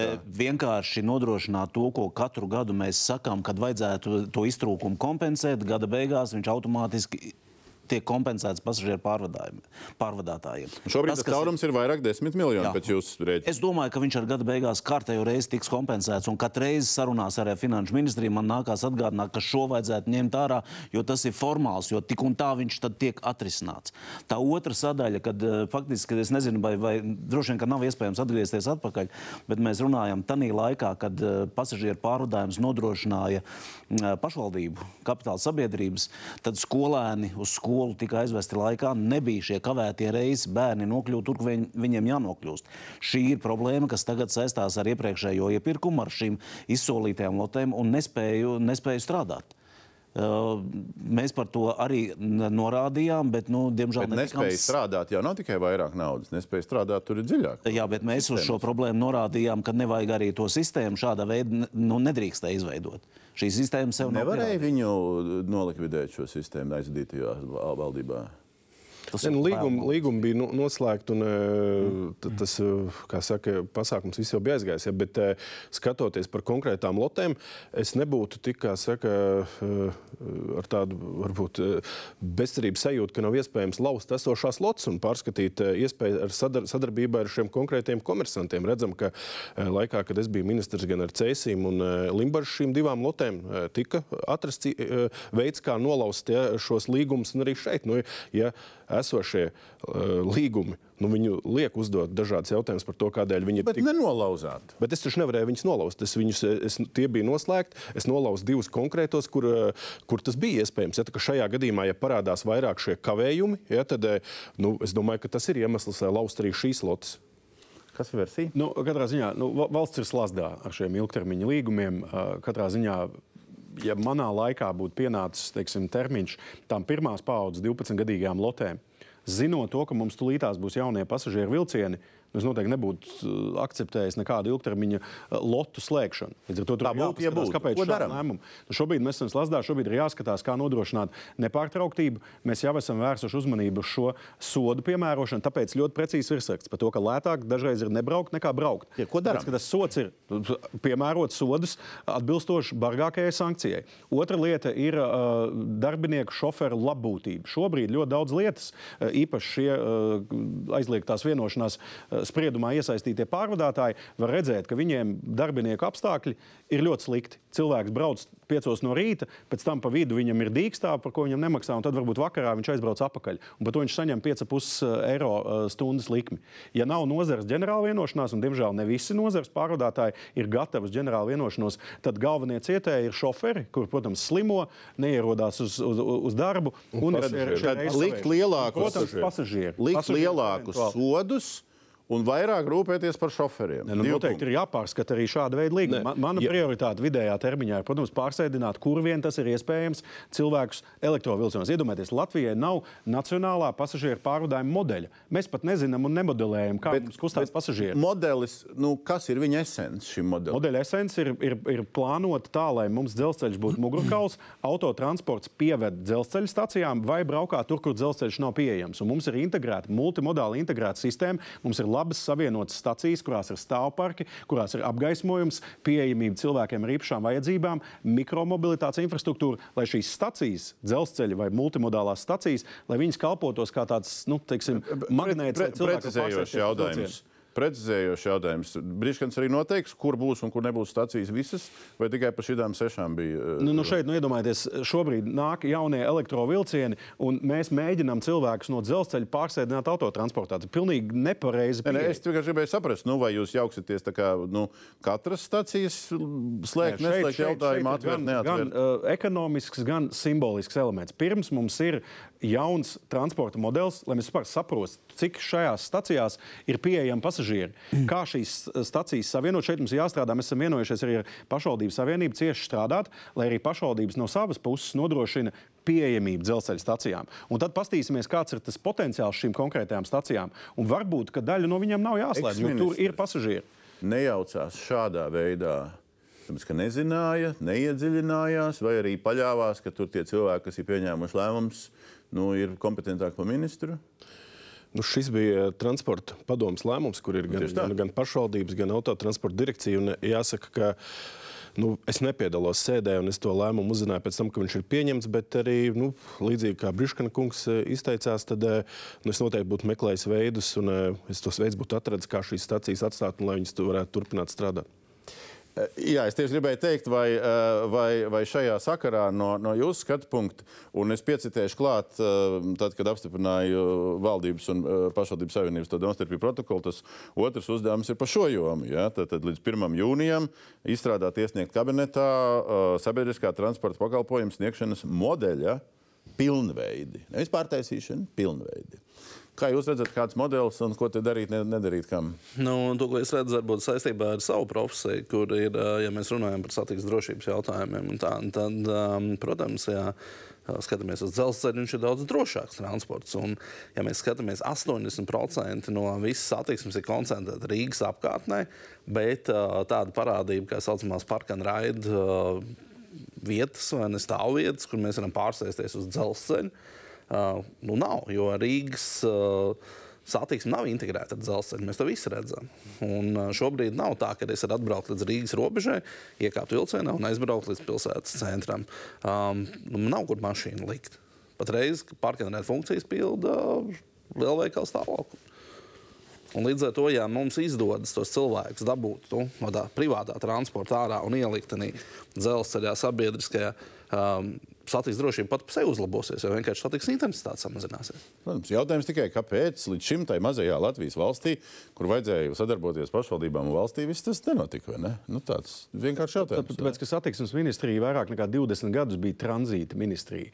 Mēs redzam arī attiecībā uz kohēzijas fondu. Jau, jau, jau, jau. Esam ieinvestējuši dzelzceļa koridorā, kuram ir 80 miljonu tonu kapacitāte. Sav, savukārt dzelzceļa platformas, dzelzceļa stacijās.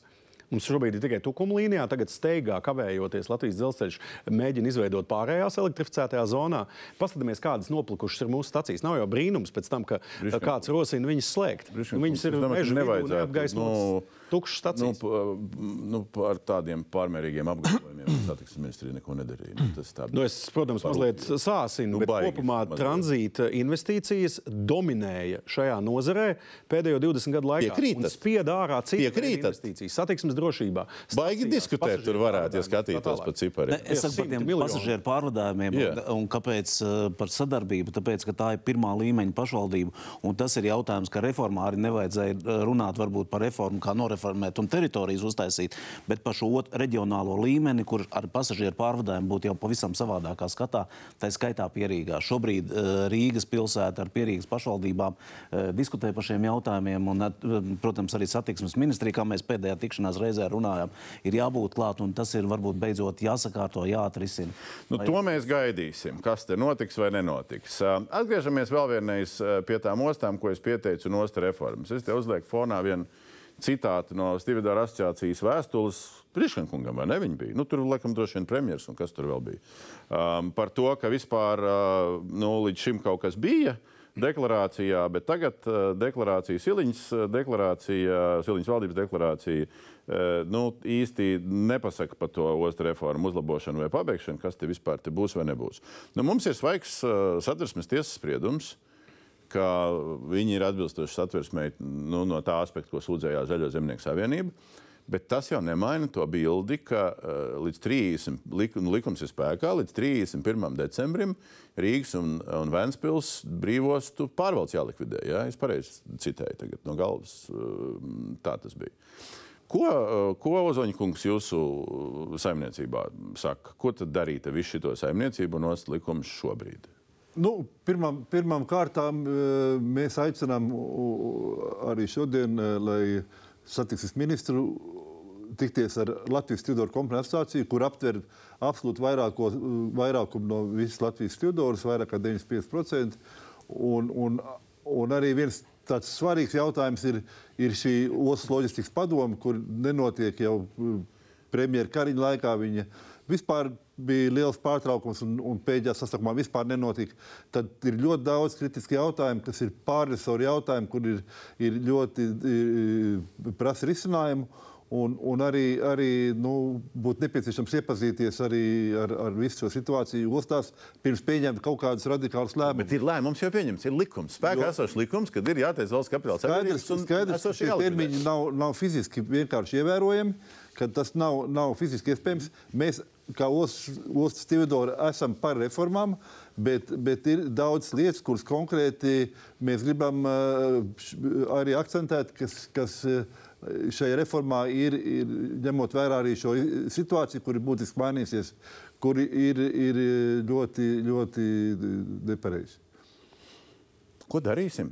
31. decembrī jālikvidē struktūras likums. Nu, spēkā. Tīri praktiski attiecībā uz likumu noteikti virzīsim grozījumus likumā, lai, lai pagarinātu šo termiņu. Bet atkal, es domāju, viens no galvenajiem motīviem šodienas sarunā ir tas, ka ir jārisina nozares sadrumstalotā attīstība. Šajā gadījumā nevis skatīsimies uz ostām kā uz izolētu salu, un tad mēģināsim tikai institucionāli ieviest jaunu risinājumu. Man, man ļoti patīk eh, satversmes tiesas lēmums. Viņš ir saskaļā, saskaņā ar pasaules labāko praksi, ka valstī tomēr šāda veida strateģiskai infrastruktūrai ir jābūt pilnai autonomijai lemt par viņu attīstību, par viņu īpašumtiesībām, pārvaldības formu, bet ir jāskatās tālāk. Osta ir daļa no integrētas loģistikas un piegāžu ķēdes. Tas viss pareizi. Dzelzceļš pievada Bet Ko darīsim? Mums ir enerģētika. esošās līdzinējās politikas mantojums, spēkā esošs.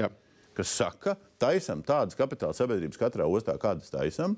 Un, e, un līdzinējo likvidējam, un tur visu to mantu pārregulējam un, un pārdalām līdz gada beigām. Šo, nu, es to saucu par reformu, mazo burtu. Jo, nu, tā ir ostu reforma, kas tikai faktiski izdarītu Pārvaldības to, to reforma. elementu. Pārvaldības reforma. ar mazo vārdu. Ko darām? Ar mazo burtu reformu.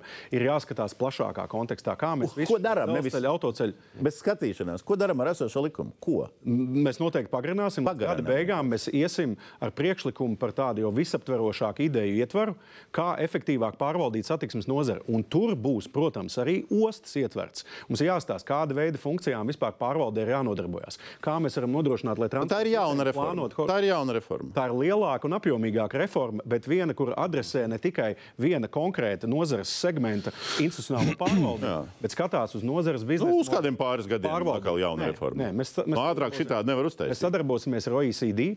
Tas būs mūsu teiksim, tāds idejiskais partners, pasaules vadošie eksperti. Mēs izstrādāsim. Tā vispirms jāizpēta Mēs, nu, kaut kas.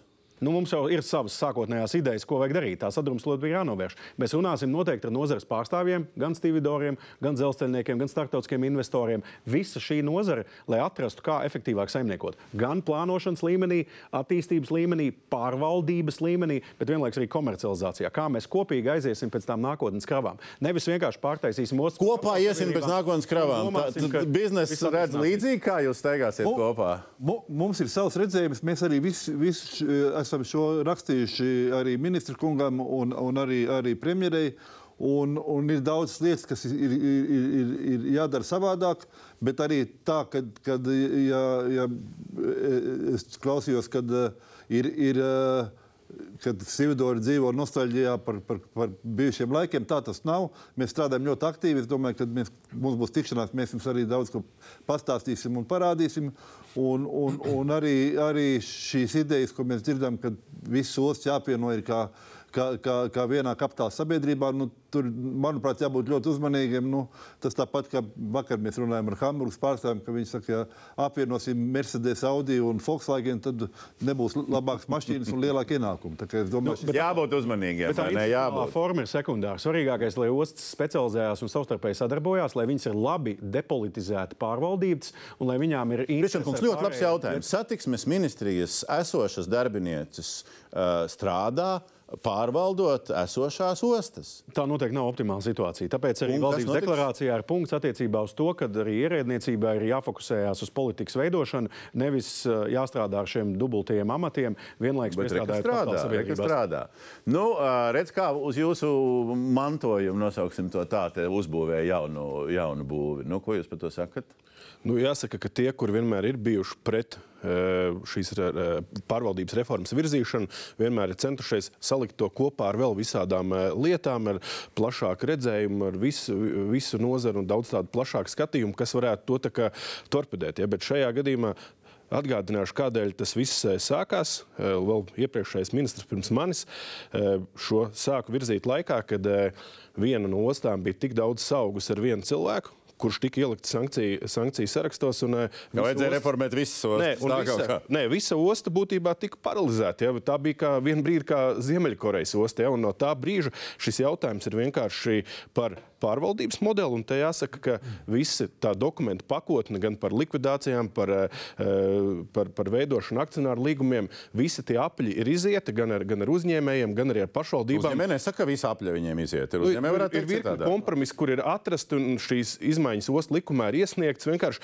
Un tas jau ir no vasaras. Tā būtībā te ir vajadzīgs tikai politisks lēmums. Jā, mēs šos dokumentus, kas ir valdībā iesniegti normālā kārtībā, atbalstam, skatām valdības eh, sēdē, un, un tas ir iespējams Jūs realizēt. sakat, Tā kā- ka nevajadzētu visu šo darīt, par ko Brišankungs runā. Nu, ko nu vairs visu laiku bija attaisnojums par satversmes tiesu? Tur diezgan skaidri pateica, ka tā ir eh, valsts lemšana, kā tālāk eh, šo, šos, eh, šīs struktūras pārvalde. Te ir tikai es saku, ir vajadzīgs lēmums, lai to Man nav izdarītu. vajadzīga nekāda teiksim, attaisnojuma. Man nav vajadzīga nekāda tāda politiska. Šis nav politisks jautājums. Šis ir Es teiktu, ka šis ir ļoti politisks jautājums, jo līdz brīdim, kad, līdz brīdim, kad ZZS parādījās uz skatuves, es teiktu, ka šis jautājums ļoti labi gāja.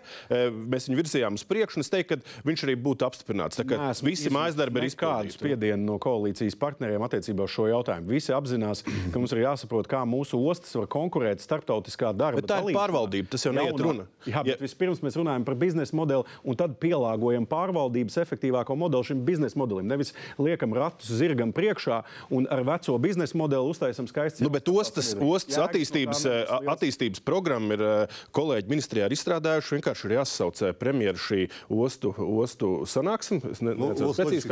Ostu loģistikas pa- padomu tas jāapstiprina. Tā kā ja ir runa par. eh, tāda vēriena ideju, kas var ostām nodrošināt jaunu veidu ieņēmumus, kas var palīdzēt Latvijas dzelzceļam efektīvāk integrēties, kas atrod jaunus tirgus nevis austrumos, bet tomēr citur pasaulē. Man ir ļoti žēl laiks un līdzekļi, kas ir izniekoti un eh, šobrīd neracionāli izmantot, lai to realizētu. Uz tautsveicības komisiju vēl aizpagājušā gada decembrī pateicāt, ka jūs ne, nedaudz pagaidīsiet, pārvērtēsiet. Mēs, mēs pavasarī šogad gaidījām jūs apakaļ. Es kļuvu, es kļuvu, es eh, kļuvu par ministru decembrī. Tad arī nu, fiziski tas nebija iespējams izdarīt. Es izpildīju arī mājas darbus. Mēs visi izdarījām. Mēnešu laikā. Nu, kāpēc mums būtu jāatnāk? Mēs esam iesnieguši visus dokumentus. bija gatavs, kāpēc tad nenācāt viss ir iesniegts. Nu, paņemiet, apstipriniet un uh, nāciet pie manis uz tautsēmniecības to komisiju un risināsim. To jau neskatīja, kamēr vēl bija. Tāpēc, kad valdība šobrīd viņas nav Iepriekšējā skatījusi. koalīcija nebija ieinteresēta arī šo Nu, beidz, beidz, beidz, pus- pus- pusreformu noslēgt. Nestāstiet, ka tagad Bet ko tas neapstiprina? Ņem, ņem, nāc ar iniciatīvu, liec valdības sēdē iesniegtos dokumentus un strādā ar viņiem. Es gribu sakārtot plašāku nozares segmentu, izdarot Kamēr to tu- korektu un atbilstoši labākajām pasaules praksēm. Nevis vienkārši pārveidot uh, pārvaldības par kapitāla sabiedrībām divās no trīs ostām. Pār, Pārāk primitīva pārveido, pieeja. pārveido un uh, risina šos jautājumus ir paralēli. Saimniekošana un tad pārvaldības modelis. Paldies, kungs, par šo lielisko dinamisko polemiku. Beigās iesilām. Patiesība ir pa vidu vai patiesība ir ārā? Nu, patiesība ir tāda, ka uh, ir ļoti daudz mēs esam panākuši, kas reformā ir izmainīts arī pēc mūsu iniciatīvas, bet arī daudz lietas, kuras ir noteikti jā, jāskārto. Tāpēc tieši es aicinu, lai, lai, lai būtu šī diskusija ar, ar, ar ministru kungu un, un, un ar, ar, ar mūsu nozaru, ka mēs tomēr esam vispārzēti. Mums ir skaidrs redzējums par visiem šiem jūsu jautājumiem, kurus jūs arī minat, gan kā, kā piesaistīt krāvas, un arī mēs arī painformēt, kā mēs to redzam, ko mēs darām un kādi mums ir plāni. es domāju, Labi, es- tikšanās, es saprotu, tiek plānota. Paskatīsimies, vai jūs būsiet uz vienas lapas, tā, kad tā tikšanās notiks. Es gribu noslēgt, atgriežoties, Avotkungs ilgi, ilgi klausās visu šo te un, un, un klusē un nemetās iekšā pa digitālām lietām. Nu, zinām, vērā simboliski noslēgt ar, ar, ar tām digitālām lietām, bet pirms tam viens īsts jautājums, kas ir ar par mums visiem tā vai citādā kā pasažieriem. Viens īsts jautājums un atkal pie tās naudas viņš ir atgriezies. Um, Nu, angliski es ieliku to ziņu, kas paziņoja, ka Air Baltics uh, tomēr neizlaidīs tās uh, obligācijas. Uh, nu, tā kā visa pasaule uzzināja, ka Air Baltics nepiesaistīs šobrīd pagaidām to naudu ar, ar, ar bondiem. Šitas pasākums, Vitsenberga kungs neļaus man samelot, bija plānots, lai uh, atmaksātu, jeb pārfinansētu iepriekšējās obligācijas. Vai es kļūdos? Ne, Man nav pēdējā informācija, jo man viņa vairs nav pieejama. Ja, Jā, jā, jā, eh, nu, bet eh, pirms tam. Iespējams, ka šāds solis ir eh, spērts, jo uzņēmumam eh, klājas gan labi, un papildus finanšu līdzekļi nav jāpiesaista. Es to tā nolasu. Ah, jūs tā nolasat. Nu, jautājums, vai šis, šī nenotikšana nenozīmē caurumu Air Baltica uh, finansēs nākamgad? Šis ir risks, protams, ņemot vērā, ka nākamā gada jūlijā ir, ir pieci gadu termiņš tām esošajām 19. gadā emitētajām 200 miljonu 200 vērtajām miljoni tieši tā, nedaudz nemaz. Tajā laikā procentu likme 6,75, kuponu likme šobrīd saskaņā ar investoru teiksim, šīm visām tirgus eh, izpētēm, tās likmes ir ļoti augstas. Gan tāpēc, ka Eirobors ir pieaudzis, gan tāpēc, ka ģeopolitiskā situācija gan mūsu reģionā, gan kontekstā ar Izraels un, Hamas karu ir ļoti, ļoti sarežģītas. Tāpēc šobrīd te ir jāskata divi svarīgi procesi. Viens ir šo esošo parādu vērtspapīru pārfinansēšana, un otrs ir, pro- protams, Air Baltica akciju pirmreizējā kotācija Rīgas biržā. Uh, Visticamāk, uh, kaut kad nākamajā gadā.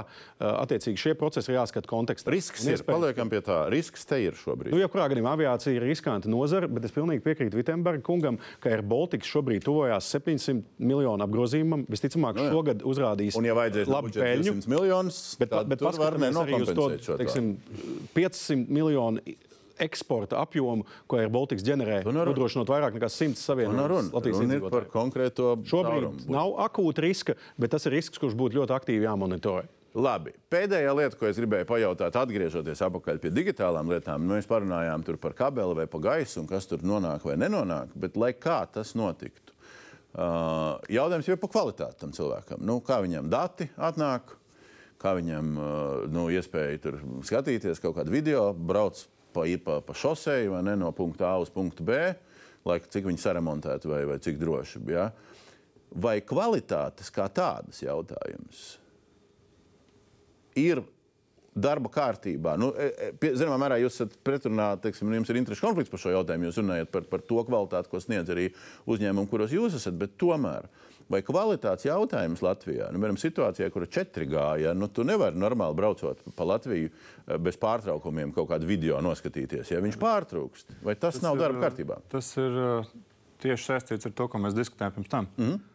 Kvalitāte prasa mobiliem un fiksētiem sakariem, zinām blīvumu.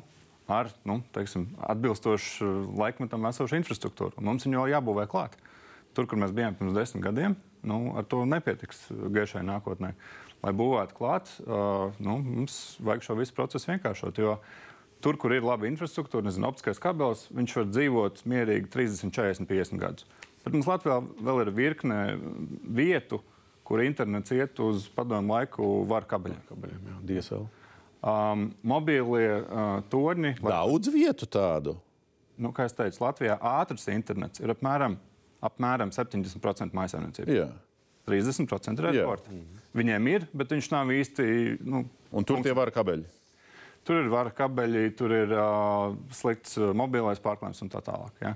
Uh, mobilam tas pats tāds, lai būtu labāki sakari, vajag vairāk torņus. Uh, es teicu, 5G 30 reizes blīvāks tīkls nepieciešams. Tad antenu skaits nekā 4. Un uz šī fona pēdējais jautājums, ko es noslēdzu visu šīs sērijas jautājumus, kas primāri būtu jāieraksta valdības rīcības plānā, kur projekts, protams, jau ir, bet nu, ir process viņu koriģēšanai, un, un pārtaisīšanai un pabeigšanai. Kas, kas primāri, ko valdībai darīt? Um, Likta nozares asociācija ir uh, valdībai iesūtīja piecus punktus, uh, kas ir jādara. Un tas principā arī apkopo to. Tos paņemt, ko- kopiju paste un vienkārši ielikt. Jā, nocitēt. Nu, principā lietas, ko, par ko mēs šeit runājam. Ja? Tad, tad uh, būvniecības uh, vai šis te, nu, izvēršanas process ir viena lieta. Um, uh, Atvieglot, sakārtot šīs nomas tiesības. Otra lieta, trešā lieta, ja Latvijas ir citur. Uh, tirgus varētu ieguldīt arī vairāk, bet mums tā ir problēma, kā nelegāla tīkla. Ja? Ir gana daudz, nu, ir spēlētāji, kas godīgi būvē, un tad ir spēlētāji, kas ignorē. Valdībai jādara ir. Um, nu, neviens īsti nekontrolē. Ja, mums ir bijušas reālas situācijas, kad uh, uz Tarbats ielas bija pirmā vieta, uh, nelegālais, uh, nelegālais uh, tīkls, kas tika demontēts. Un te pa vidu ir strīds, kam jādara atkal valstī vai pašvaldībai. Jā, kā vecais stāsts. Mēnesis Ja valsts vēlāk nespēja pašvaldību cilvēks uz jumta, kas pārmet jaunu bumbiņu un to nelegālo tīklu atjauno. Ja? Mm -hmm. ja ir likumi, ko neviens nekontrolē, tad mēs nonākam situācijā, ka salīdzinot ar kaimiņu valstīm, teiksim, uh, cilvēki maksā par internetu pusi mazāk nekā Lietuvā un Igaunijā. Ja mums ir pelēkais tirgus un mums ir baltais tirgus, tas pelēkais tirgus mm. arī spiež to cenu uz leju. Bet valdībai būtu jādefinē, vai tā ir valsts policija vai pašvaldības policija. Nu, tas diezgan loģiski būtu, vai ne? Jāsaprot. Kas ir primāri jāieraksta no jūsu skatu punkta rīcības plānā, lai mēs sakalti nesatiktos pēc kaut kāda laika un vajadzības izteiksmē nerunātu? Tā kā es teicu, jāskārto ir um, šī likumdošana, šie normatīvie akti, lai mēs varētu, nozares speciālisti, varētu izpētīt, kas notiek uz Latvijas ceļiem, sniegt atbildi, un tad jau sapratīsim, kā rīkoties. Tad šobrīd aktuālais ir normatīva aktu sakārtošana. Ieskaitot to, ka jāsatiekās, to nevajag rīcības plānā rakstīt, ko vēl. Pēc, pēc primāri. iespējas ātrāk uh, noslēgt vienošanos par šo, par šo reformu ar lielo burtu, kas būtu saprātīga un, un, un vērsta uz ostu attīstību. Visu. Bet ātri to izdarīt. Ātri, jā, es tāpēc saku, mēs gaidām jau pārāk ilgi, un tas viss ietekmē arī šo esošo situāciju. Viņai būtu jābūt, eh, ņemot vērā visu šo situāciju, gan ģeopolitisko, gan, gan vispārējo, un arī, lai, lai jo mēs, mums ir savs redzējums, un mēs gribētu kopīgi to šo mm. pēc iespējas ātrāk panākt. Bet ātri. Nu, Kaminskis, no tā visa, ko mēs te aizķērām, nu, kaut kāds akcents rezumējot. Nodrošināt finansējumu satiksmē tādu, lai tas nebūtu tā garantētā minimālā iztika. Un tad varbūt ir cerība, ka nākotnē arī ar Vienkārši finansēt, nevis reformēt, nevis kaut ko Tas ir saistīts. Tas ir saistīts arī reformēt. Arī, ja mēs tā runājam, gan likuma um, izp- izpilde, lai būtu nepieciešamais finansējums um, jebkurā situācijā. Nu, izdarīt, izdarīt tās lietas, par, par ko lai valsts ar pašvaldību arī iet roku rokā, lai valsts neaiziet straujāk ar 5% vairāk finansējumu saviem ceļiem. Uh, lai tas ir saprotams, un es domāju, ka tad, tad Labi, es likšu pāri. Es likšu pāri eksministram. Kāpēc? Nu, varētu iedot. No viena pavisam īsa replika. Ko vēl pielikt klāt no tā visa, kas izrunāts? Nē, nu, svarīgi, ko es varu novēlēt ministram, droši vien eh, vēl šajās budžeta sarunās un nākamajās, nu, ka tur atkal būs cits prioritāts, nu, nepadoties un eh, nebūt tam varbūt kompromisu cilvēkam, bet reāli cīnīties. Ja, jo savādāk bez dzelzceļa tas aizies pa burbuli, ja nebūs mugurkaula, ja kā tālāk dzīvos. Piemēram, par aizsardzības ministrijas finansējumu. Nē, nu kāpēc? Tas, eh, tur jau pietiekami liels tas pieaugums. Nevajag nostīt vienu pret otru, pusotrs eh, miljards salīdzinot ar iepriekšējo gadu, bet ja ceļiem paliek pie esošās inflācijas tik, cik eh, ir, ja, tad var izdarīt mazāk. Ja, un visas tās labās lietas, ko mēs dzirdam, nu, tu nevari eh, īstenot pie esošā, pie esošās naudas. Vai visam šitam piekrītat? Jā. Un uh, vienlaikus arī finanšu ministrs man neļaus samalot arī premjeri, ka uh, es cīnos un cīnos pamatīgi, bet man būs daudz vairāk argumentu šai cīņai nākamgad, ja es būšu atnācis ar šīm reformām, kas parādīs, kā mēs varam saimniekot efektīvāk. Un tas ir tas. Es piekrītu, vēl viena lietiņa, ko es pieliku pie digitālās infrastruktūras klāt, ir uh, sakaru nepārtrauktība. Mēs redzējām, uh, Nu, tā tāpat vētra- kvalitāte. laikā. Tā tāpat kvalitāte. Nu, tas ir pat mazliet vairāk nekā tikai Nu, kvalitāte. drošība Tā un kritiskās infrastruktūras nepārtrauktība. Un šeit, protams, mums visticamāk ir vēlreiz jāpārskata šie algoritmi. Tur ir dažādu pušu atbildība, arī operatoru atbildība uzturēt, nodrošināt nepārtraukto barošanu, tā skaitā ilgākā laika posmā. S- Vētra Saukrasta novadā bija trīs dienas. Tur mums gan dzelzceļa līnija tika apturēta, gan uh, mobilā telefona. To visu rīcības Drošības plānā skatīsimies tieši kā jūs noformulēsim. Paldies, kungi. Es saku, skatīsimies, kā tas būs rīcības plānos, un tad nu, varēsim arī mērīt, kā tas būs vai nebūs noformulēts. Ar šo seriāls par to, kas jādara Evikas Siliņas vadītajai valdībai, noslēdzas. Ierakstos tas viss paliek LSMLV portālā. Līdz ar to varēsim tīt apakaļ un citēt un skatīties, kā pildās solītais. Paldies šeit, paldies skatītājiem par uzmanību. Turpinājums sekos.